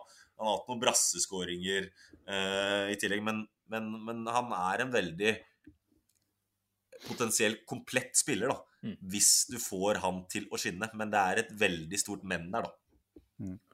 Det er det. Spennende. Det er en mann og, og et navn å følge litt med på framover. Eh, Ja. Sikkert noen som skal inn på YouTube og se noen compilations her nå med en gang, tenker jeg. Da finner du mye snadder. Nummer tre på lista, hvem er det som får pallplass her? Pallplassen det har jeg satt til en høyrebekk eh, hos eh, Lyon. Malo Gusto. Vet ikke om dere har hørt om han? Hørt navnet, og og nå er ikke jeg så god i spansk som jeg burde vært etter en del spanske år på ungdomsskole og videregående, men Malo Gusto betyr vel noe sånn som Altså Malo er vel noe eh, fælt eller noe sånt, altså noe dritt. Eh, mens gusto betyr at jeg liker det. Så jeg I like shit eller noe sånt, eller? Hvordan oversetter du det navnet der? Her er, her er jeg på dypt eh, farvann, så jeg skal okay. ikke uttale meg noe om det. Men jeg kan uttale meg om fotballspilleren. Ok, det, det blir bra. og det er, altså, en veldig veldig moderne høyrebekk som er god, offensiv, stor fart, bidrar mye der. Eh, og spiller jo i Lyon eh, og har blitt kobla til store klubber allerede. Eh, men, men, men han er også litt sånn Hvis han har dagen, så er det også vanskelig å møte og komme seg forbi defensivt, fordi han har nettopp den eh, farta han har. da. Mm. Så han har, han har også spilt eh, for Lyon gjennom en veldig trøblete periode, og eh, en veldig, veldig spennende høyrebekk, altså. Mm. Nummer Eh, to Jeg, jeg skal bare oversette. Eller skal du- ja. ja Translate sier uh, 'bad taste'. Ja, det var ikke er langt til, da. eh, oversettelsen på Mal Augusto. Så vet ikke om vi skal Det høres jo ikke ut som det nødvendigvis stemmer helt overens med fotballskillsa hans, da. Det gjør det ikke. Nei. Det gjør det ikke. Greit, da kan vi bevege oss videre til nummer to. Nummer to, da skal vi også til uh, renn som bare produserer uh, talenter på rekke og rad. Og det er eh, 17 år gamle Desiree Doué, en midtbanespiller som Altså, han har så høyt potensial. Eh, fantastisk liten tekniker som også er Det er, det er punch-in, da. Du ser han trykker til i duellene, bidrar eh, både offensivt og defensivt. Men han, den nærteknikken hans, det skuddet han har Han hadde en fantastisk perle for uh, renn i nabooppgjøret mot uh, Nantes. Og han, eh, han kommer jo til å se mer eh, til fremover pga. den nevnte skaden til Terrier. Da, så kommer han til å få mye mer eh, tillit nå. Det er 17 år, når allerede Wow. har um, treneren uh, uttalt at han kommer til å få en del spilletid fremover. Så Nei, han er veldig veldig spennende. Og som jeg sa, Renn de, de produserer uh, offensive, så spennende spillere med mm, Kamavinga, som har kommet derfra tidligere. Mm. Dembélé altså det, og Tell, som gikk til Bayern München nå. Så det er sånn Det er en talentfabrikk som, eh, som gjør det helt store også, da. Mm. Og jeg tror Desiree Doué der eh, Ja, den som får kloa i han etter hvert, den tror jeg har gjort, gjort det store. Talentrenna? Er det fristende å si? Er det, er det en åtter eller en sekser? Hva slags uh, posisjon er det han bekler, egentlig? Sånn Han, altså det, er, det, er, tidlig å si når du er 17 år, men, uh, men han, altså det er sentral midtbane. Uh, Renn spiller jo 4-3-3, hvor han har vært høyre indreløper, uh, gjerne. da. Ja. Men han kan bekle en tier veldig, veldig fint. Jeg tror også han han har kvaliteten og ferdighetene til å bekle en dyp posisjon, en del av midtbanetoer. Det, jeg tror han har kvalitetene til det meste. For han har, øh, nå, nevnte jeg ikke fotballforståelsen i stad, men den er ganske unik til å kun være 17 år i tillegg. Veldig spennende. Interessant navn. Da er det eh, trommevirvel, da, Robin. Da gjenstår det bare ett navn her. Det er det. Veldig spent på hvem det er. Og det er Altså, det er kanskje ikke den som de fleste ville, ville sagt, men det er en som jeg har lagt veldig, veldig forkjærlighet til, og det er en midtstopper som bekler venstresiden. Kan være interessant for dere på sikt. Castello Luqueba. Å, Vet ikke om dere har hørt om han? nope. Nei. Det Det, er også, nei, det er også en litt mening at det skal være en som, eh, en som er litt eh, ukjent, da, som har gått litt under radaren. Men herregud og spennende type det her er. Det er 20 år gammel stopper som er i Lyon. eh, og slo, eh, slo igjennom i fjor. Eh, og med en gang han fikk eh, muligheten, så var det omtrent eh, eh, inn i elveren med en eneste gang. Og han I mitt hode så har han hele, hele uh, pakka. Han, han har fysikken, men så er han en veldig, veldig eh, smart fotballspiller som leverer stabile prestasjoner som du vil ha eh, hos en stopper. Og så er han eh, rolig, både med ball, uten ball, leser spillet fint, har en eh, bra fysikk, som jeg nevnte, med enorm fart. Og så, ikke minst ved å snakke om moderne eh, typer, men han tør å ta med seg den ballen fremover. da, Passere ledd, eh, være veldig trygg med ballen. altså Det er en type stopper som jeg er ganske sikker på kommer til å spille eh, for en toppklubb som liker å dominere matchene. da. Mm. For han kan bli veldig Altså Store klubber har mye ball, men de blir også veldig eksponert. Blir satt opp i disse én-mot-én-duellene, ikke sant. Mm. Men han, han, han takler veldig godt begge spillets faser, da. Og det er en spiller som jeg har eh, Ja, det, jeg har så, så stor eh, troa på han, altså. Du... Venstre bein nå, eller? Ja. Eh, vil Ja. jeg tro, ettersom spiller på venstresida. Og så Ja. Det er jo noe Arteta er veldig glad i. Og det er vel slik, Simen, at, eh, At det stadig vekk linkes inn eh, nye typer der eh, for å være en ren backup til, eh, til Gabriel. Endika eh, fra Frankfurt er vel navnet som har gått igjen i en stund nå. eh, På free transfer muligens til, eh, til sommeren. Så det er ganske tydelig at man vil ha en venstrebeint inn der. og Vi kan si mye pent om Rob Holding, men eh, vi bør nok bevege oss videre der, selv på backup-plassen, altså. Eh, Så det er klart et, Ja, jeg- ja. Jeg, jeg er eh, så å si overbevist om at han på sikt kommer til å spille for eh, de største, eller en av de største klubbene i Europa og være med og kjempe om de største titlene. Det er jeg nesten klink sikker på, altså. Og eh, Arsenal har jo gjort gode dealer eh, i Frankrike før, og det er litt sånn Hadde de eh, hatt eh, eller gjort det samme som med Saliba, da, henta noe at han kunne hatt på utlån og sånne ting, så tror jeg definitivt at det hadde vært en god match for Mm. Arsenal, måten de spiller fotball på, eh, med de kvalitetene hans har. Det, det er jeg ikke i tvil om. Men jeg, han kan gå inn på et hvilket som helst av de storlagene som dominerer fotballkamper. Da. Du ser jo at Todd Bowley har henta Badiashil til eh, 400 mill. eller hva det er. Sjuårskontrakt? Sju og et halvt årskontrakt er det vel, så Ja. Jeg tipper det går til helvete, så det kan jo hente han òg. Ja, det, det kan, men jeg har større tro på Lukiba enn Badiashil. Selv om han er enda mer sånn fysisk rå uh, type, så er han litt sånn heit i toppen. Jeg, jeg skrev vel på Twitter som at han må bli kvitt de Bailly-taktene, og det syns jeg beskriver det ganske godt. At det, han har den sida ved seg at det, det kan komme det villeste plutselig. Da. Det er liksom, I hvert fall for meg så er ikke det jeg vil ha hos en stopper. Da vil jeg ha en som er stabilt god, og som ikke gjør de store tabbene. og som, ja Det er det vi vil ha hos eh, Chelsea, da, med andre ord. Det høres perfekt ut. Høres Det vil dere jo. Nei, det var en eh, veldig fin liste, Robin. Jeg tenker eh, det var virkelig kvalitet når du får så mye navn som er ukjent, og, og får så bra beskrivelse av det i tillegg. Så det er solid jobb. Eh, vi har bikka timen godt og vel med deg her nå, så vi skal snart takke deg av. Eh, men Kristoffer Haugland, eh, fastlytter, har kommet med et spørsmål jeg syns vi må bare ta med på slutten her. Eh, han spør om når skal det endelig lykkes for eh, Jeff Rein Adelaide? Eh, stakkars hva er det, The Jeff, er det ikke det han gikk, gikk som? Eh, har vel slitt med skader etter overgangen til Frankrike òg. Åssen går det med han der nede? Nei, det, det, det går i rykk og napp hvis jeg er snill eh, og sier det. det.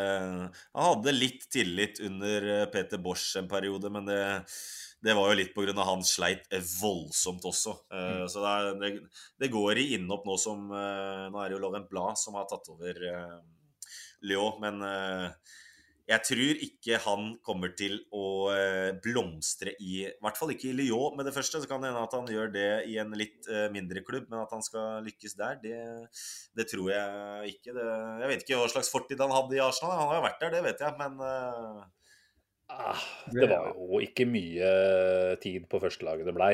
Eh, var det i 16-17-sesongen at han var med i preseason og skinte litt og hadde noe spennende ved seg, men eh, det var vel aldri verken kant eller indreløper eller tierrolle hvor han klarte å, å vise helt de taktene vi trodde at han kanskje hadde inne. da.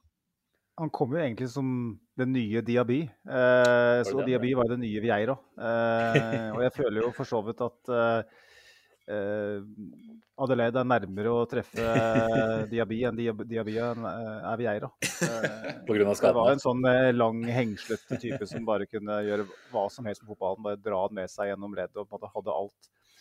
Eh, men som ikke hadde noen sånn fiksa posisjon. Eh, så en av mange supertalenter som eh, vi har haussa opp i Arsenal, som ikke ble, ble det helt store. Jeg husker jeg hadde en kamp han, bare for å dra fram det, hvor han var den som var den kreative kraften i et Lyon-lag. Men så var det noen kamper seinere hvor vi hadde det igjen, og da var han totalt usynlig. Og det syns jeg oppsummerer ganske, ganske godt, da. Siste, sorry, jeg, nå, nå begynner det å dra veldig på overtid der. Jeg eh, sitter jeg syns dette er veldig moro, så det er bare å fyre løs. Jeg ba- bare ser på Twitter i dag at uh, det har kommet en rapport fra Sky om at to eh, ikke navngitte Premier League-klubber er ute etter å signere Anger, eh, midtbanespiller Azedin Onahi, han som gjorde det veldig bra for Marokko, eh, som Ja. vi husker i VM. For oss som så litt av det, da. Eh, Napoli og AC Milan skal visst også være interessert der. Eh, veldig kjapt, både er det en spiller du ser for deg kunne passe i Premier League, og har du noe som helst tro på at en av de to klubbene kunne vært Arsenal? Jeg tror definitivt han har kvalitetene til, eh, til å spille i Premier League. Du så det jo i VM der òg. Han var ekstremt god for eh, Marokko. Jeg synes han var veldig, veldig dyktig til å tre gjennom ledd, da. eh, Og, og komme dypt og, og sette opp eh, spillere i mellomrommet der. Eh, Og det er jo, det er jo en kjempeegenskap eh, å ha. Og eh, det var, han er 22 år, da, så det var derfor han ikke var med på den lista. For han er veldig, veldig spennende. Mm. eh, Og et veldig, veldig stort eh, talent. Og jeg tror definitivt han er klar for eh, større oppgaver. Om det er Arsenal, det tviler jeg på. Ja. men, eh, men, eh, men at han kunne Jeg mener jo at han er et bedre alternativ som en backup enn Elneni og Lakonga. Eh, det, det gjør jeg jo. Velkommen, sier vi bare da, Simen.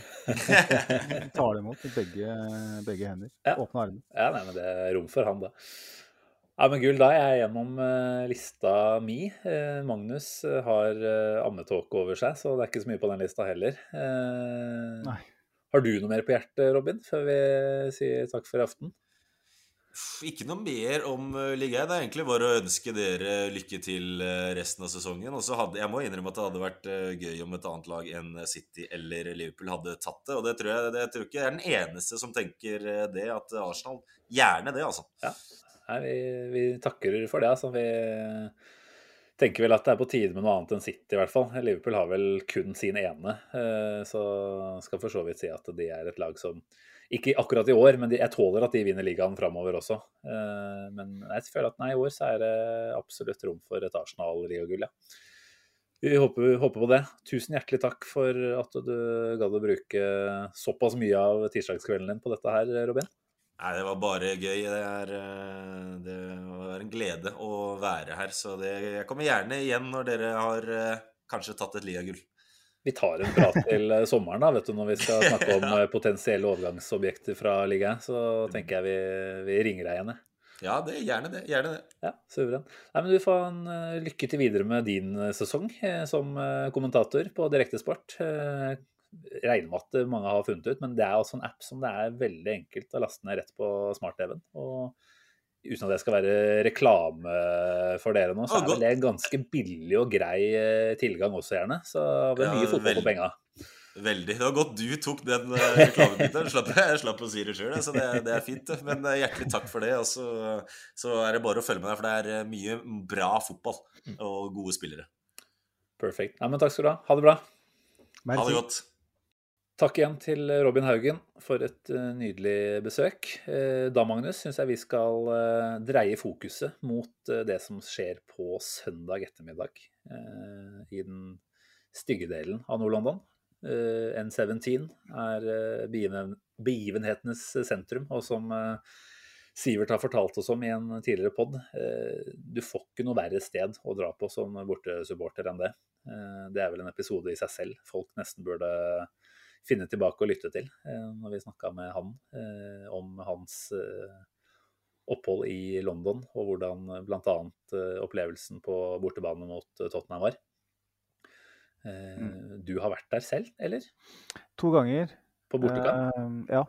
ikke sant? Jeg har sett en uavgjort en seier, da, så jeg har, jeg har ikke det traumet som Sivert eh, sliter med i hverdagen. Nei, Jeg kunne jo faktisk vært på den kampen nå til søndag. Eh, Forfatteren har fått tak i billetter på hjemmetribune. Og det, det klarte jeg ikke. Så selv eh, tilbud om gratis billetter til Nord-London, det, det måtte jeg faktisk avstå fra. Veldig spent på den uh, greia der. Jeg mistenker at det kan bli en uh, stygg episode når Arsenal går opp til 2 eller 3-0 på, på tampen der. Da kan det hende at man mister det litt. Og sitter du med feil folk da, så ja, jeg frykter litt eh, for at det blir en tidlig, tidlig utbytte på arven for min del der. Ja, det er som han, eh, han som var på, satt med Chelsea-fansen nå i, i fjor, blir det nå, da. I oktober eller når det var på Stamford Bridge, med oh, telefonen sin og viste den logoen. Ja, det var og deilig blunke på slutten der. Ja, faen, Det, altså. det er stor idrett, altså. Det Det var er kanskje årets, er sesongens øyeblikk, da. Altså. I hvert fall fra et fansperspektiv så er det det.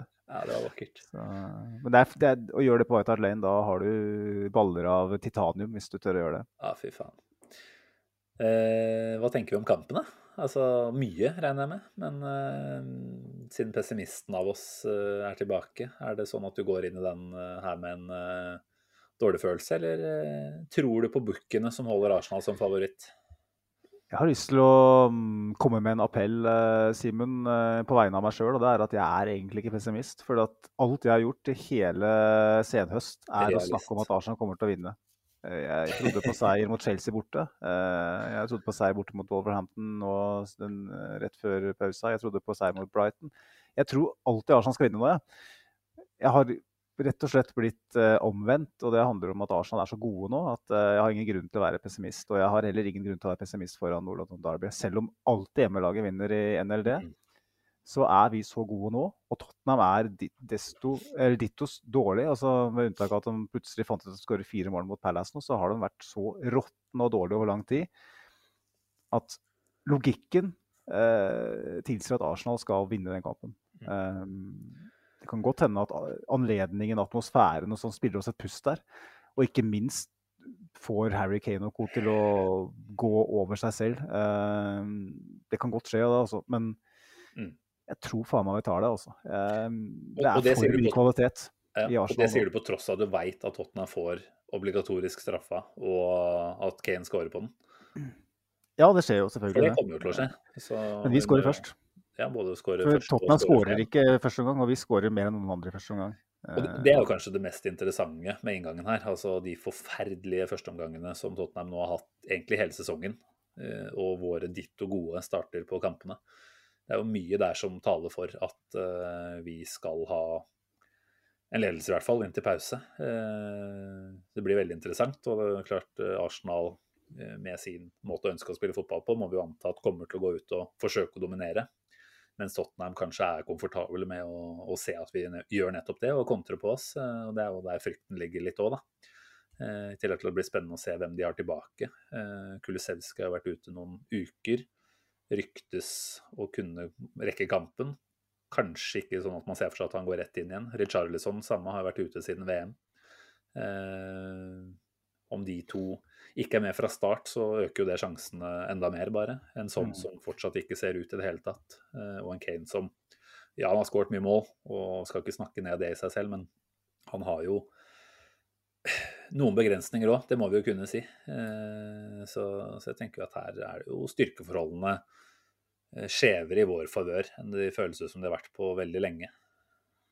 Og Bentan Kor er vel heller ikke helt avklart om eh, kommer til å spille. Og han er viktig for Tottenham. Altså. Jeg så dem eh, mot eh, Villa, og det, det midtbanen der var bare helt fullstendig fraværende.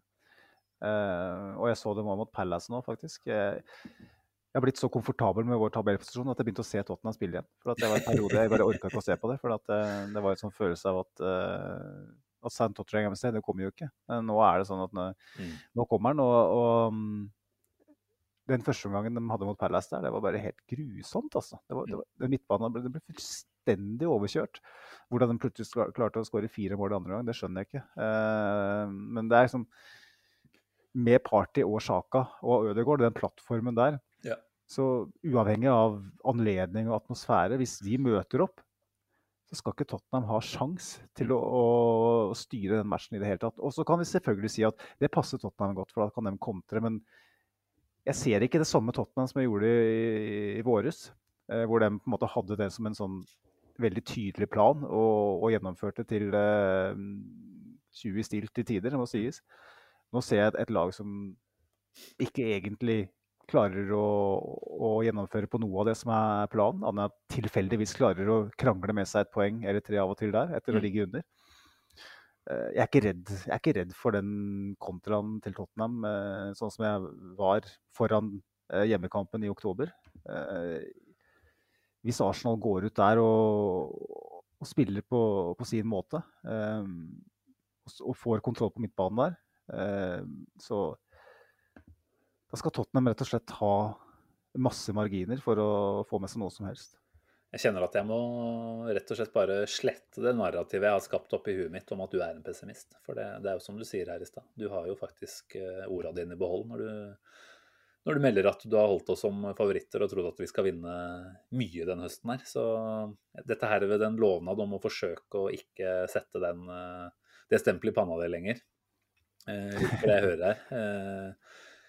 Eh, jeg tok jo faktisk ut, eller jeg prøvde å gi det utfordringa etter forrige runde, var det vel?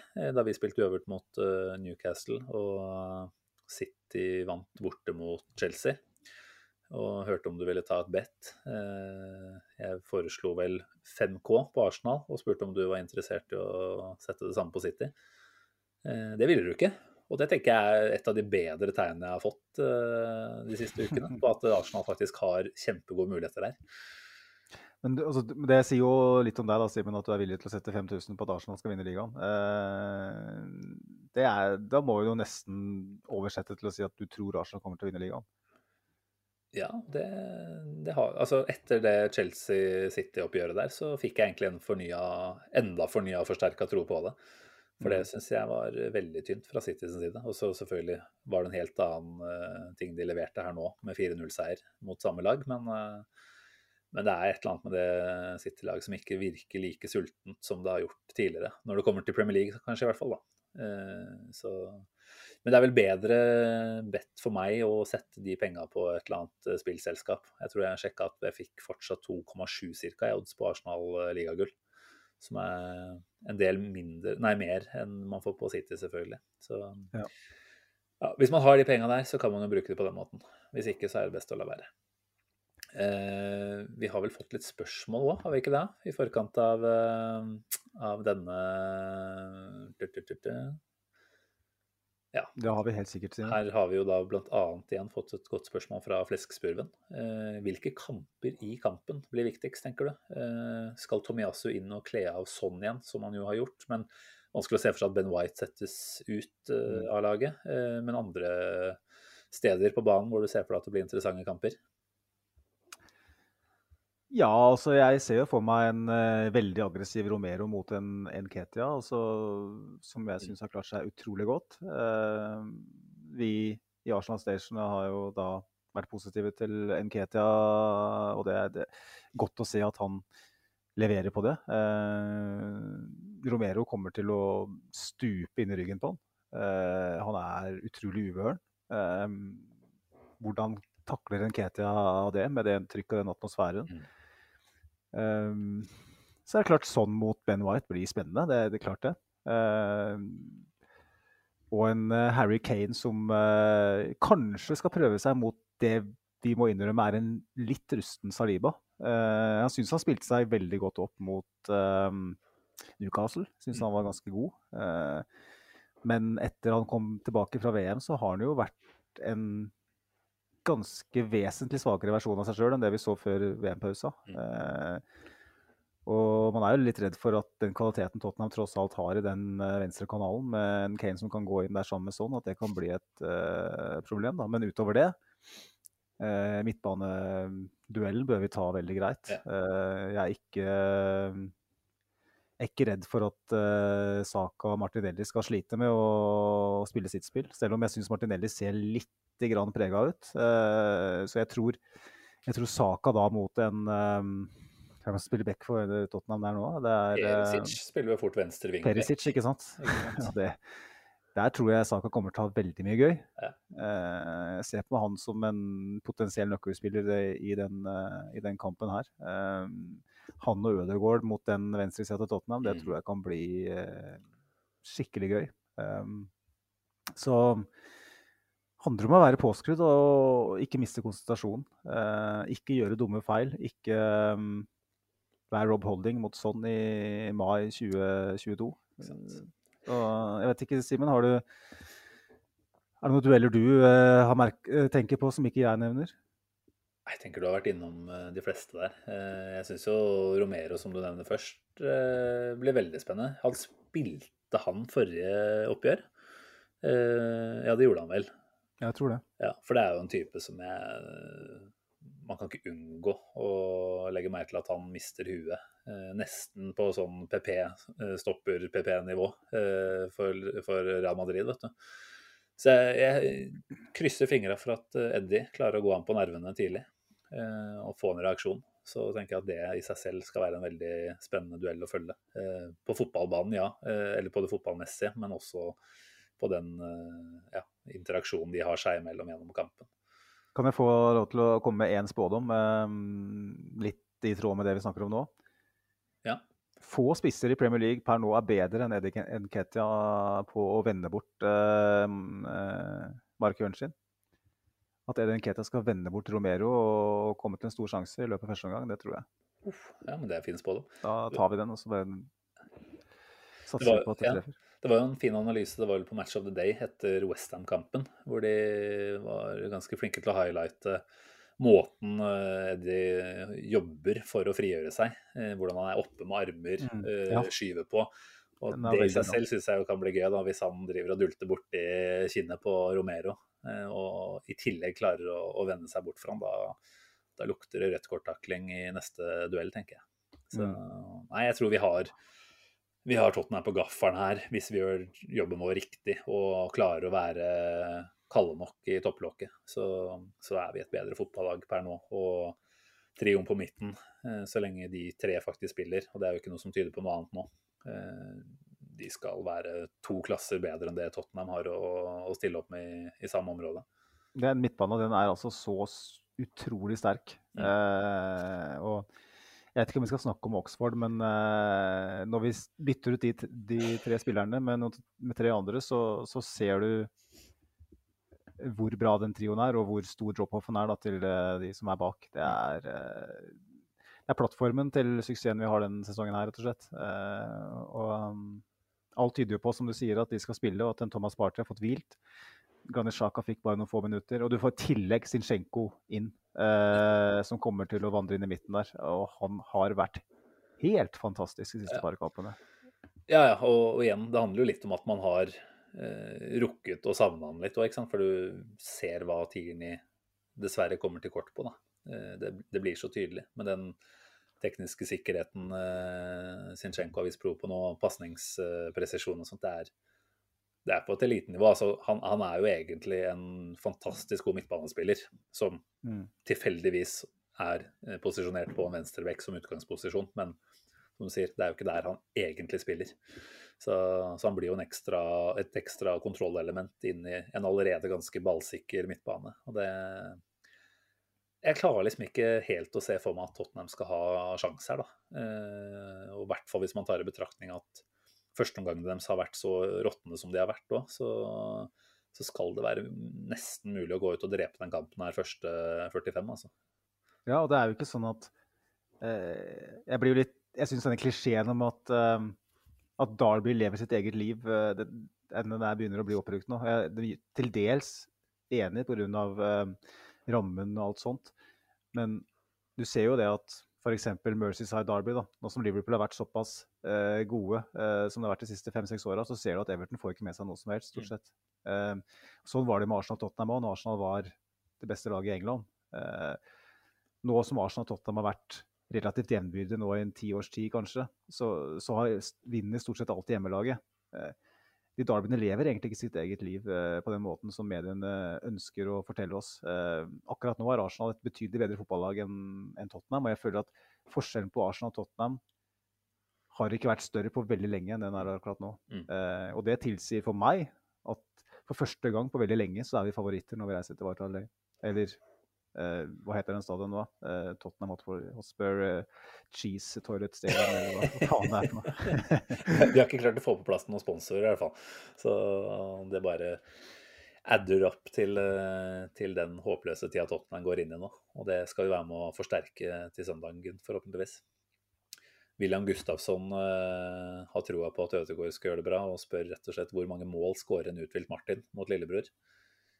Jeg tror han nøyer seg med ett. Hva tenker du? Nei, jeg tror ikke han skårer mer, mer enn ett. Det, det vil være ganske spesielt. Det er ikke så ofte Martin Ødegaard skårer mer enn ett mål. Eh, Han skyter så jævlig mye, vet du, så det er klart det kan gjøre da.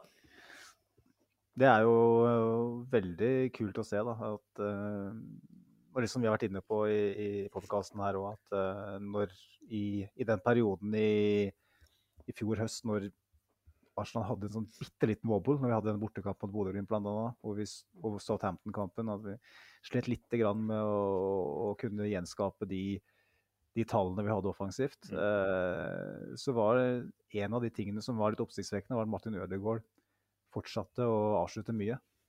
Eh, han var en av de få som ikke droppa. Eh, så det, det, det, forteller jo at han, han kommer jo til å skåre mål mm. eh, for Arsenal. Han har sju mål allerede. Eh, han ligger jo an til 14-15 skåringer i ligaen.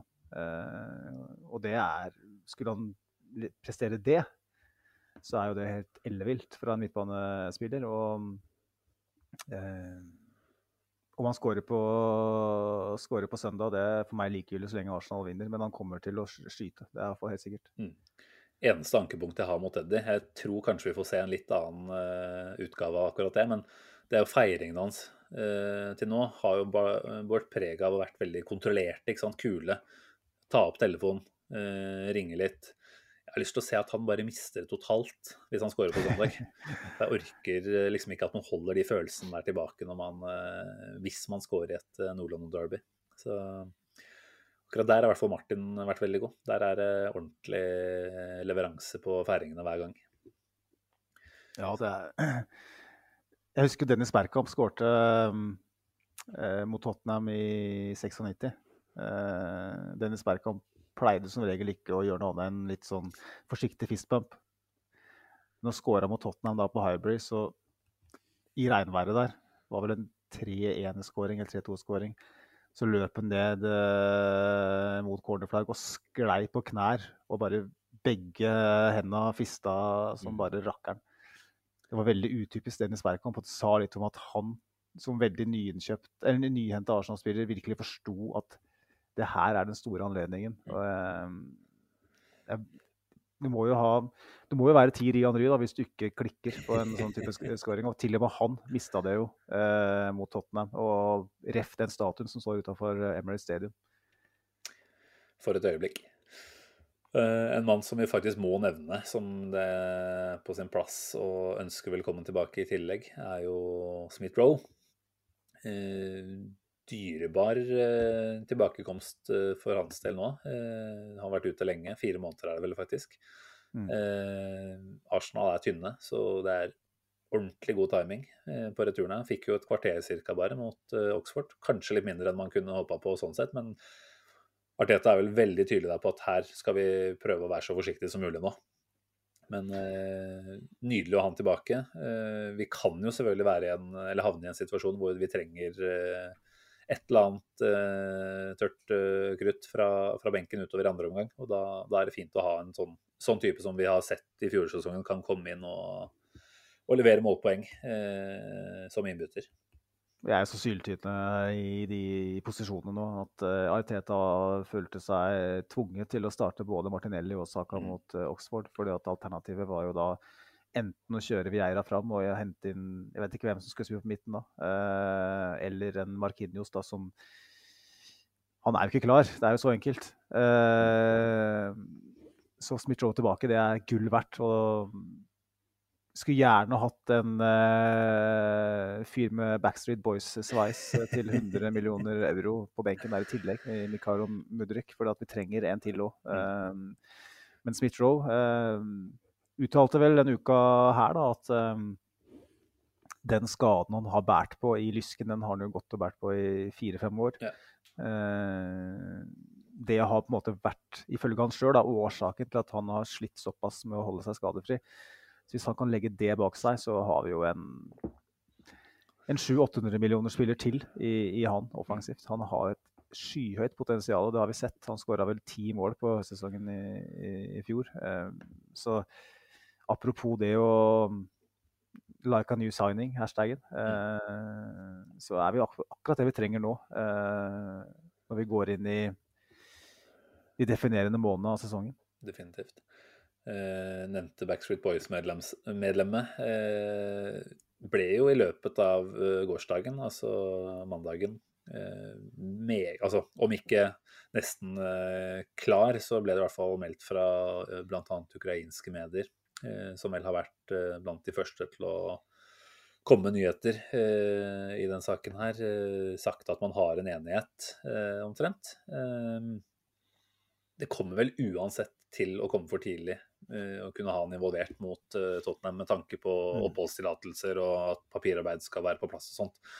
Eh, men det er en spiller vi vel omtrent nå begynner å innkassere, eller gjør vi ikke det? Ja, det ser sånn ut. Mm. Um, vi skjønte jo at uh, Kålhue-Todd kom til å blande seg inn uh, der òg. endte med å stikke av med Felix i stedet. Um, Stakkars, Stakkars Kanskje- begge, egentlig. ja, egentlig. Uh, men uh, jeg så jo Matt Law, som er uh, veldig pålitelig, jeg er vel Telegraph, veldig pålitelig når det gjelder Chelsea. Sier at de på Stamford Beach er ganske oppgitt over at han ikke engang gadd å svare på henvendelsene deres. Han hadde kun Arsenal i, i sikte, og det har han vel hinta ganske sterkt om på Instagram. Kan jo ikke ikke få det- noe tydeligere. Og det, det syns jeg er jo en, På en måte så er det jo litt sånn han, er, han har kontrakt med Sjaktar, og så eh, holder han på sånn eh, offentlig eh, for å presse gjennom en overgang. Det er kanskje ikke det man ønsker seg aller mest, men samtidig Det at en spiller så sterkt Mm. ønsker å spille for Arsenal når han kan gå til Chelsea sikkert tjene det dobbelte, eh, det syns jeg er eh, Det sier noe om hvor Arsenal er, og det, det sier noe om motivasjonen hans for å, å spille for Arsenal. Og jeg vil jo tro at Zinchenko eh, har gode kilder, seg selv og andre, på Dama. at Mutterink er en type som, som ønsker. Jeg vet ikke hva du tenker eh, om eh, Mudrik. Jeg ser Nei, altså, snakka mye om den nå, nå spilleren har vi jo nærmer seg. Ja, spilleren har vi jo snakka litt om tidligere, og det er klart, jeg skal ikke påberope meg, og det har jeg sagt flere ganger før, å mene og kunne noe mer om han enn det jeg har sett på YouTube. Eh, ser veldig spennende ut. Og det du snakker om med den kalde oppførselen hans, da, jeg syns jo ikke det er all verdens. Eh, nå ser vi jo at han i dag har eh, meldt seg til tjeneste, da, for å si det sånn, eh, når, når Sjaktar skulle ut på treningsleir og ha møtt opp der. altså hadde han ville sette seg skikkelig på bakbeina, så hadde han kanskje bare vært tydelig på at nei, men dette er ikke vits i, jeg skal videre til London uansett. Eh, så jeg tenker at han har klart å oppføre seg på en eh, helt grei måte, eh, hva man kunne forvente. Og, Men altså bare, bare for å avbryte litt, grann, da. Ja. For å sette deg litt på spotten sånn sett. Hvis en Arsenal-spiller hadde holdt på sånn, da.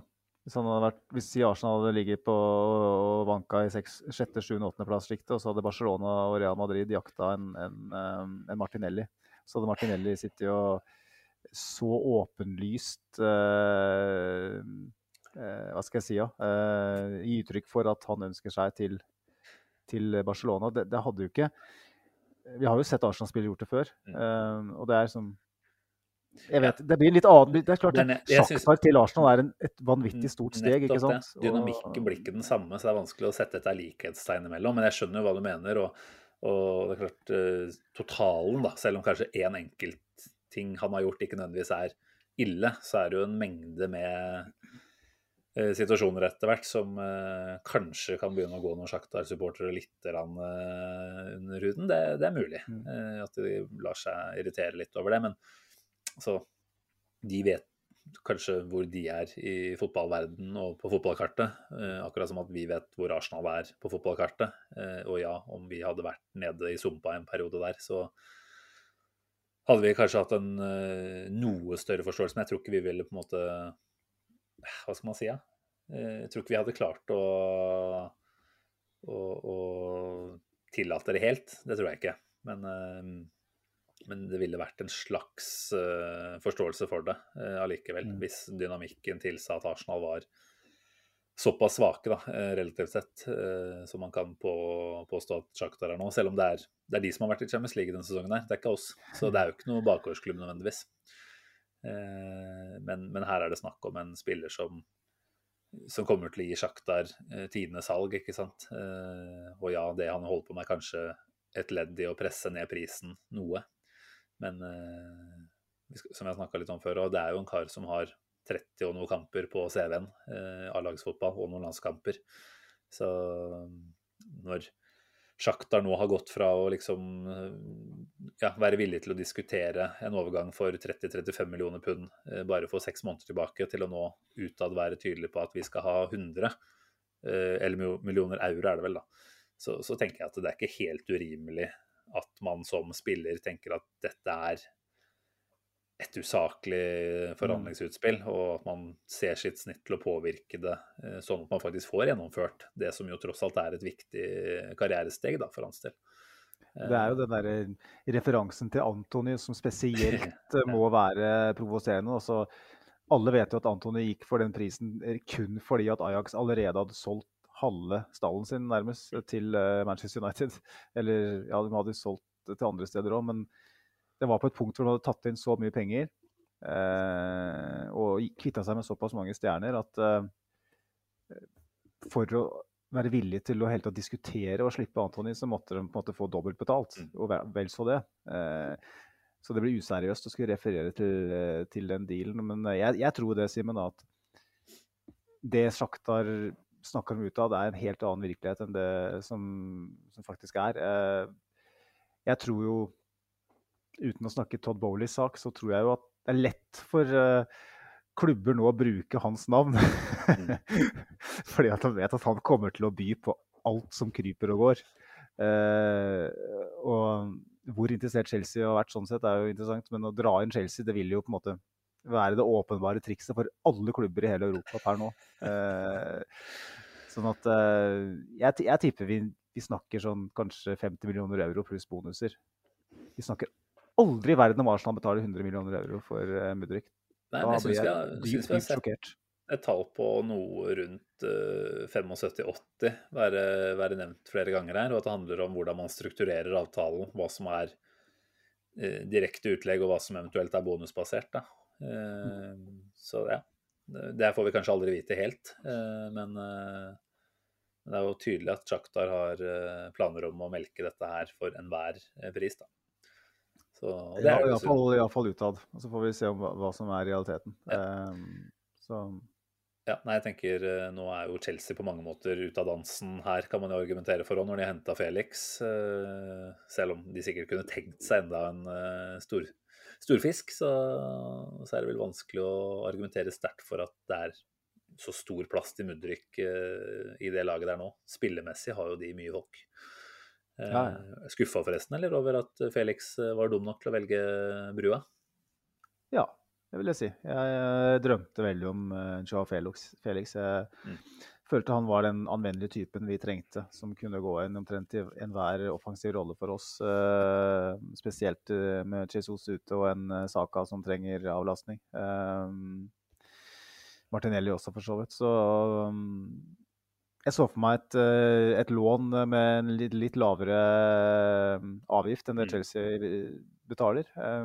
Med kanskje en opsjon, eller i det minste en slags gentleman's agreement om at vi, vi setter oss ned til sommeren hvis det her uh, funker. Mm. Um, åpenbart en spiller som har langt mer å skilte med enn Mudrik så langt i Mm. sin karriere. Fortsatt ung. Et ekstremt råmateriale. Eh, Jeg er ganske sikker på at det hadde funka veldig godt i, i Arsenal. Jeg er vel så sikker på at det ikke kommer til å funke i, i Chelsea. for Der er det ingen plan.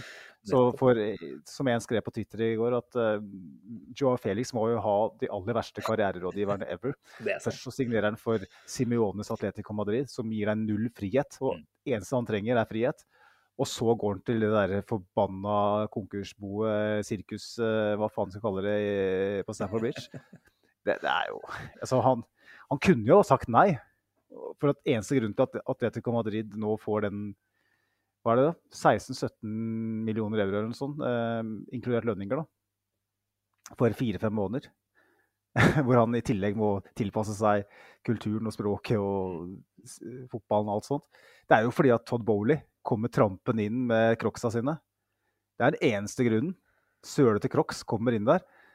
Hvis, hvis uh, Chelsea ikke hadde eksistert, som vi alle hadde vært jævlig godt tjent med, så hadde Arsenal fått han med kanskje betalt en 4-5 millioner pund i loan fee på slutten av Mm. vinduet.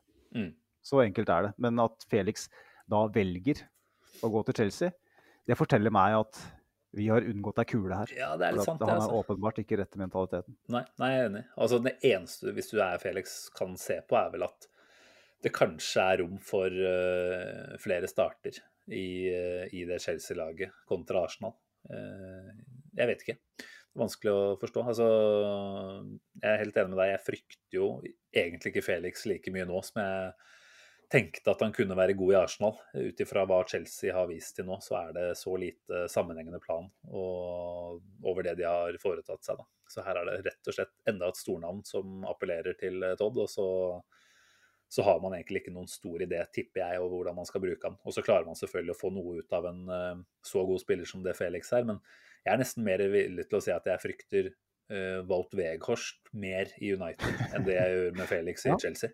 For det, der er det en helhetlig tankegang nå og en plan over hvordan man skal bruke han inn i et kollektiv. Og i Chelsea så fins ikke det. Altså Potter har helt sikkert veldig mye bra for seg, men det er, ikke, det er ikke hans signering, dette her. da. Det er jeg ganske sikker på. Det har vel ingen vært Det, til nå. det er ikke det, vet du. Uh, vi, kommer- vi kan snakke oss uh, gjennom natta, Simen, hvis vi skal snakke om Todd Bowley og Chelsea. Men jeg, jeg, vi snakka litt om det off-air. at um, Kanskje skal vi rett og slett komme med en ny spalte i podkasten. Todd Bowley-spalten.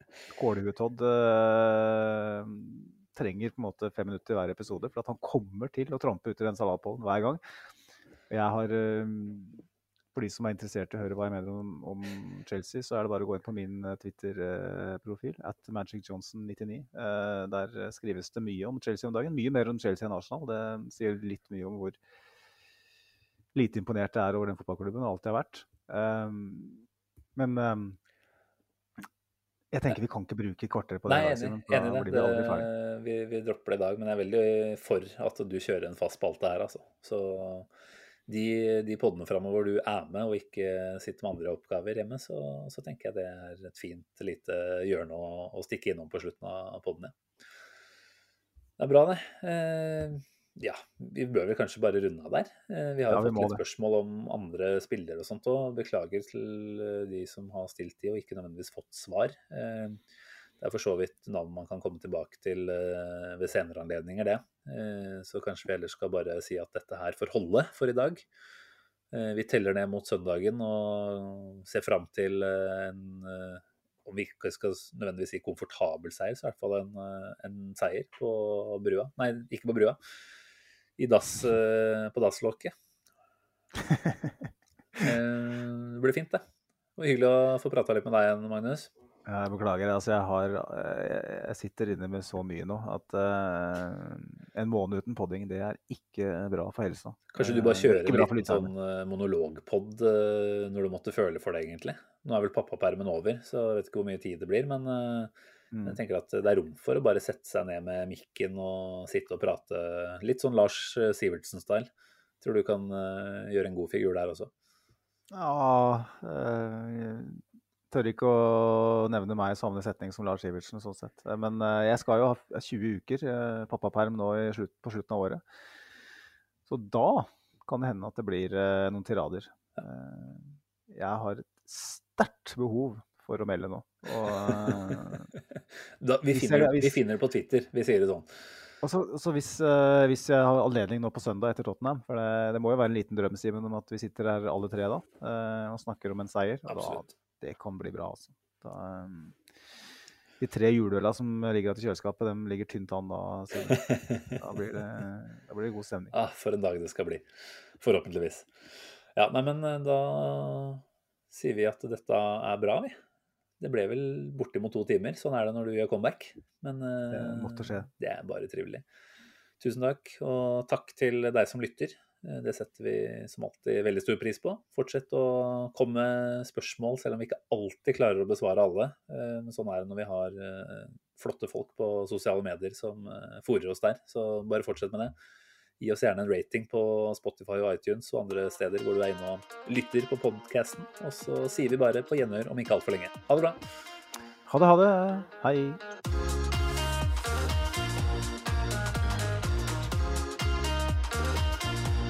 This train terminates here.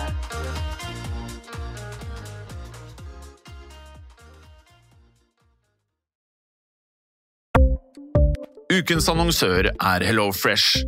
HelloFresh er verdens ledende matkasseleverandør og kan være redningen i en travel hverdag. Mange av oss har nok vandret i butikken både sultne og uten en plan for middagen, som ender med at vi går for de samme kjedelige rettene gang på gang. Middag burde være dagens høydepunkt. Som Hello Fresh kan du nå velge mellom 25 ulike retter hver eneste uke, eller få Hello Fresh til å sette sammen menyen for deg. Dette gir deg muligheten til å prøve nye og spennende retter alene eller sammen med familien. Du velger antall porsjoner og får alt levert på døren på et tidspunkt som passer for deg. Oppskriftene er enkle, og maten er lett å lage både for store og for små. Ved å få alt levert hjem får du også mer tid til å dele matgleden med familie og venner. Kanskje det frister med asiatiske tacos eller greskinspirert kylling? Da kan jeg anbefale deg om å gå inn på hellofresh.no. Her kan du bruke koden FOTBALL og få opptil 1779 kroner i rabatt på de første fem matkastene hvis du ikke har prøvd HelloFresh tidligere. Du kan også bruke rabatten hvis du har vært kunde og stoppet abonnementet ditt for tolv måneder siden eller lengre. Gå inn på hellofresh.no og bruk koden FOTBALL. Har du et enkeltpersonforetak eller en liten bedrift? Da er du sikkert lei av å høre meg snakke om hvor enkelt det er med kvitteringer og bilag i fiken, så vi eh, gir oss her, vi. Fordi vi liker enkelt. Fiken superenkelt regnskap.